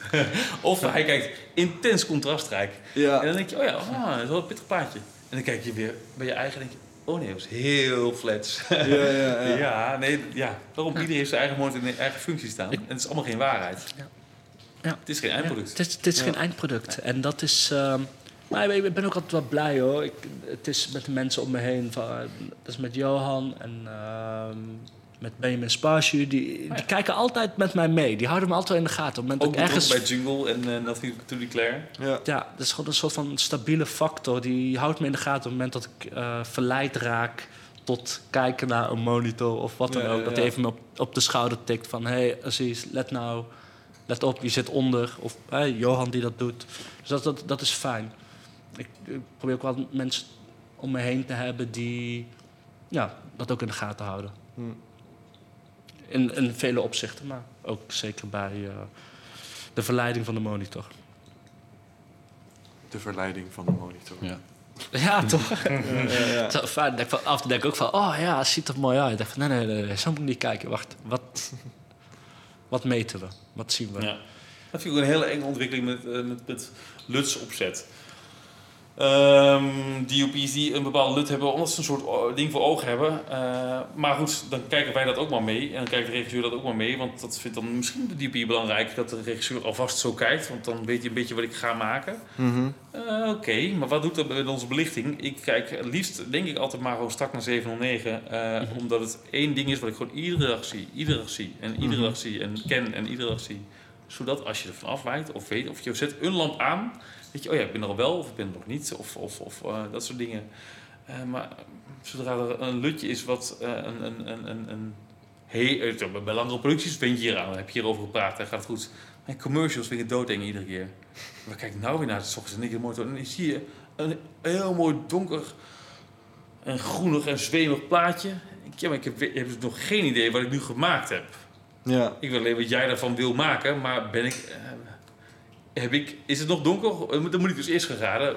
Wat, wat doet die lut? Maar dat, eh, dat, dus, er is nergens een boekje met, met lutjes, met eh, dit. Dat zou je dus van tevoren helemaal doorgenomen moeten hebben. En de commercial leent zich daar niet voor. Nee. Dus ik heb er nu helemaal dat ik een lutje voor me, voor, me, voor me krijg. Dat ik denk van, kan ik helemaal niks mee. maar dan is er geen... Omdat we via beeldzenders werken en er maar één lijn vanaf de camera naar de, naar de ontvanger kan... kijken ze allemaal maar die lut. Want de regisseur moest hebben, dus krijg ik hem ook. Ja. Ehm, als je het bekabeld zou werken, zou ik de, de andere uit kunnen gebruiken die dan met een 709 uit wordt gestuurd. Maar dan zit ik aan de kabel vast. Dat is ook niet meer van 2019. We willen absoluut geen kabels opzetten. En dat is ook fijn, maar eh, dat krijg je af en toe voor je knieën kiezen. Maar dat hebben wij volgens mij met elkaar nog nooit gedaan. Volgens mij hebben we best wel altijd clean gekeken en Ja. over elkaar gehad. Dat gaan we maken. Prima, houd voor ogen, maar nu zijn we technisch bezig. Ja. Ja, het is. ehm, ik denk dat wat ik ook tegen mezelf probeer te zeggen is van. Ja, gewoon steeds de sensor als een soort van. Een negatief beschouwen waar licht op valt. En de gradatie van dat licht, dat is eigenlijk je rijkwijde in eh, wat je daarna kan. Ja. Ehm, ja, daarom probeer ik vast te houden. Heb je van tevoren al een, een, een idee wat je in de grading wilt doen? Of heb je, kom je Ja. daar pas achter wanneer Kijk, je in de grading... de, de, de grading is voor mij. ehm, natuurlijk is dat kleur. Dus eigenlijk is grading kleur. Maar Mhm. eigenlijk je look, dat is weer iets anders. Je look, dat, dat, dat is hè, de drager in combinatie met je lens. Je look is. wat is voorgrond, wat is achtergrond in je kader? Je Ja. look is wat zijn de elementen daar binnenin. Goed En- om dat allemaal vast te stellen van tevoren eigenlijk. Wat, Ja. wat is een look en wat is je... Wat, is, wat gaat grading daarin Ik doen? zou ook zeggen dat En- look namelijk misschien wel kleur is. Dat dat, dat, Eh, dat- nee, nee, maar, maar grading doe je eigenlijk je kleuren mee. Kijk, wat grading ook heel mooi kan doen, hè, als je met de juiste eh, coloristen werkt, die kunnen ook een bepaald textuur aan je beeld brengen. Maar textuur is ook je lens. Textuur Hmm. is ook hoe vangt de, de, camera licht. het Scherpte, licht op. eh, Ja, wel ja. veel gebruik van rook, alles heeft daarop invloed. Dus deels bepaal je je look op de set Mhm. en deels komt toch achteraf. Maar wat jij doet als DOP is het geheel overzien. En bewust zijn van, oké, welke elementen horen waar en hoe stuur ik dat ehm, Ja. op welk vlak. Ik bedoel, zeker eh, ook in het begin, ach, ik heb wel zoveel fouten gemaakt. Ik dacht van, oh ja, textuur, ja, hoe gooi- er moet korrel overheen. En maakt het fijn? En ik dacht van, ja, ja dat, dan ben je, dan ben je met zulke chique lenzen aan het draaien. Dat wordt lastig. Kijk, natuurlijk, eh, hele goede coloristen kunnen met alles overweg. En die maken er zeker iets van. Maar wat je eigenlijk wil als DOP is gewoon Als een Controle. korrel nooit ergens een houvast heeft of ergens bij hoort en nooit ergens aan vast zit, is het echt alleen een laag in het eindproduct. Eh, die, die Ja. Ook prima, eh, in een, in een commercial eh, zeg maar, heb, je, heb je misschien drie seconden om sfeer te zetten en dan kan dat je remmiddel zijn. Ja. Maar als die ergens gegrond is en je kan hem geloven en hij hoort ergens bij, dan neem je hem denk ik drie keer sneller op. Oh ja, maar dat, oh ja, dat, Ja. dat is, maar dat, dit zijn alle creatieve tools waar, waar iedereen lekker mee wil spelen zoals hij Ja, wil. zeker. En zo speel ik met licht met allerlei dingen. En, en, en, en als jij, wat je, wat je ook zei over van punch of niet, dus je- af en toe gebruik je een woord eh, en het kan ook over licht gaan, over dingen. En dan kies ik uit mijn tools een middel om daaraan te voldoen. Het is soms omdat het echt het mooiste middel is. Soms is dat omdat het mooiste middel is wat ik op beschikking heb. Of soms omdat ik weet, eh, dat kan ik nu nog bieden, maar de rest wil ik voorbereiden voor een volgende set. Oftewel, soms geef je niet dezelfde tools om aan diezelfde look of datzelfde gevoel in het, eind, sorry, in het eindproduct te doen. Dus het kan ook een, eh, een, een, een hele praktische greep zijn in, in de middelen. En Dat, eh, dat draagt Ja. allemaal bij aan die eindlook. eh. Ja. En eh, dan komen we weer terug. Ja, grading is kleur, grading is textuur. En dan zit textuur ook weer op het moment dat je je sensor behandelt als negatief. En dan moet je er ook mee aan de slag gaan als negatief. En ook die verschillende kleurlagen daarin gebruiken. En dat begrijpen. Ehm, ik denk dat, dat voor mij een van de grootste leercurves geweest. Van, het is ergens eh, heel lang de camera gebruikt als een middel om, een verhaal, om je verhaal te vertellen. Wat natuurlijk dat staat voorop. Mhm. Maar in het digitale tijdperk ben je nog steeds eigenlijk... heb je mm, zeg maar die filmervaring nodig om het digitaal te begrijpen. Het is leuk dat, dat al die... eh, die- Dat die- dat en die hebben we nu. En dat is zeker een eye-opener. ja, Ja. Zeker. Ja. Dat eh, zeg ik, los van wat het resultaat is geworden, of, iets, of ik dat in mijn showreel zal gebruiken of niet. Ik heb niet een showreel, maar in ieder geval. dit, ik heb het linkje niet naar mijn moeder gestuurd, zeg maar. Nee, Dat nee, nee, zeggen, nee, maar daar in was ook niet vrolijk van, denk maar ik. het was een eye-opener en, en, en een beantwoording aan alle dingen die je al wel eens dacht of die je al eens meenam in overwegingen van, oh, wat, dat gaat toch zo en zo moet je het toch benaderen. En dit is nu Ja. een bevestiging. eh, Ja. in- in- ja, zo Want, kun je een eh, set benaderen en zo moet je weer pragmatischer en, en simpeler, in, meer in basis naar je, naar je licht kijken. Ben je ook anders gaan eh, draaien, belichten nadat je die eh, klus op film hebt gedaan? Heb je bepaalde dingen meegenomen die je nu ook in volgende klussen mee Ik zou ben niet nemen? meteen daarna de eerste volgende klus wel eens gemeten. Maar ik heb wel... eh, ja, trouwens, ja, je- ja, nou, ik heb weer wat, wat vaker weer naar mijn lichtmeter gegrepen. Dat is zeker waar, dat klopt. En dat is niet omdat je dan zegt van... Goh, maar eh, ik moet toch nu eigenlijk weer vanuit meten alles doen. Nee, omdat je meer zegt van... Ja, goed, ehm, wat vaker die grenzen ook eens eh, opzoeken eh, vanuit... eh, ik weet dat een camera zoveel stops heeft. In het geval eh, wel als je weer op Alexa draait, 14 stops. En dat je weet van, oh ja, ik, ik ga wel telkens dus op die monitor kijken, die wel of niet goed ingeregeld staat of wel, met welk lutje. Maar ik weet gewoon, ik wil nu eigenlijk gewoon een keer helemaal onderin zitten of helemaal bovenin zitten. En dan moet ik ook gewoon even meten of ik er ben of niet. Ja. Dus dat is, wel, ja, dat is wel een paar keer voorgekomen waar ik dat... eh dat, heeft, dat heeft me meer, meer vertrouwen gegeven om dat af en toe te kunnen doen. Ja, En, Ja. en sommige camera's die geven ook aan van oké, als je binnen deze range zit, eh, als je binnen deze range zit, dan kun je ook eh, meer uit je kleurinformatie halen. Of sommige camera's moet je wat meer onderbelichten. En daar zit, daar zit de meeste Ja. ruimte in. Ja. Ja, dat Nou, en ik kon het wel doen zonder dat ik daar per se eh, altijd dan de DOP bij hoef lastig te vallen. Maar in ieder geval dat je ook gewoon alweer meer dienend licht kan bieden aan een DOP. eh, eh, zonder dat hij hoeft te bewaken of, of per se het histogrammetje aan of hoeft staan eh, op, op de monitor. Waar dan ook regie weer of, of zelfs regieassistent zoiets heeft van... Ja, maar misschien ligt er achter wel een kabel. Dat wil ik niet op een monitor. En ja, regelmatig krijgen we allemaal dezelfde afkijk. Dus dat mag dan niet bij je in beeld. Dus dan is het mede toch weer belangrijk. dat Je weet van, hé, ja... ehm, ik kan er wel telkens van uitgaan dat Ja. pas als de DOP roept dat ik een grens heb aangeraakt. Nee, dat mag je ook zelf wel bewaken. Ja. Wat eh, wordt het volgende project eh, van jullie twee eh, jongens? Hebben jullie dat Waar we samen gaan. Oeh, is dat- ja, een optie. Dat is... ehm Ja, begon kijk, met de, het over. ehm, kerstcommercial. Oké. Ehm, die was het goed is, eh, hopelijk samen gaan doen. Maar het is natuurlijk ook weer agenda's of de past. ja, en, eh, Maar zo'n commercial is meer ambacht, hè, eigenlijk, toch? Wat Ja. je, gewoon echt het verkopen van dingen. Of Ja, het, ik, eh, er is meer ruimte voor techniek. ja. Zo, ehm, en dus inderdaad. Wordt ook misschien techniek iets meer vereist. Ja, zeker. Het is preciezer, het is meer afgemeten. Het is Ja, minder. ja, de, de kaders zijn heel helder. Dus dan ben je meer bezig met: oké, hoe ga ik dit, of hoe gaan we dit eh, voor elkaar krijgen? Ja. Terwijl je eigenlijk normaliter heb je: oké, hoe gaan we hier gevoel aan geven? Nee, ja. Ja. Nog steeds gevoel aan geven, daar niet van. Oh, zeker. Die PostNL kerstcommercial die we vorig jaar gehad. Daar zit die, die, die... En dat houden volgens mij mooie grote commercials tegenwoordig houden er sowieso wel van op, op het gevoel spelen. Maar Ja. die raakt dat ook wel zeker weer. Eh, ehm, ik denk dat wat jij daar straks een keer zei, toen je zei over eigenlijk ieder project wat je mooi vindt, dat je er wel een soort menselijkheid wil invinden, dacht ik wel van, ah ja, dat zit bij commercial misschien wat minder. Maar de commercial die we nu hebben gedaan, bedoel, Ja. had toch een mooi menselijk aspect erin. Ja. Ah ja, dat zullen we niet overal vinden. Dat hoeft ook Ik, niet. ik, ik denk dat deze ook weer heel eh, menselijk gaat worden. Mag waarschijnlijk niks over zeggen. Oké. Maar eh, eh, er zit ook weer een hele mooie, denk ik, eh, liefdevolle factor in. Ik denk van, ja. Ja. het voelt goed. We kijken ernaar uit. Oké. hey, eh, dank jullie wel, mannen. Dat Nou. jullie zo eh Heel graag gedaan. zouden komen. Vond je het leuk om zo over te kletsen? Over het vak? Ja, ja, het is ook eens een keer fijn om je gedachten ook op te gooien en jezelf weer dan te corrigeren en weer te begrijpen. En ook weer van een andere invalshoek weer te horen van, Ja. ja, hoe was dat? En hoe wordt dit ervaren? En met de vragen die komen, ja, dat is denk ik... En een gesprek afmaken. Wat ik er straks al een keer zei van hey, een gesprek over, over het vak gaat gemiddeld of bij de vrachtwagen of bij de verhuur terwijl je spullen Ja. komt halen.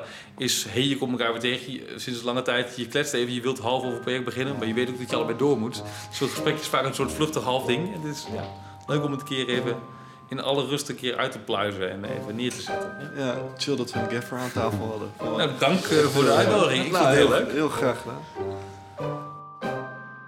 Dit was Achter het Raam. Een podcast over cinematografie voor en door cameramensen. Heb je op- of aanmerkingen? Mail ons. info@hetraam.nl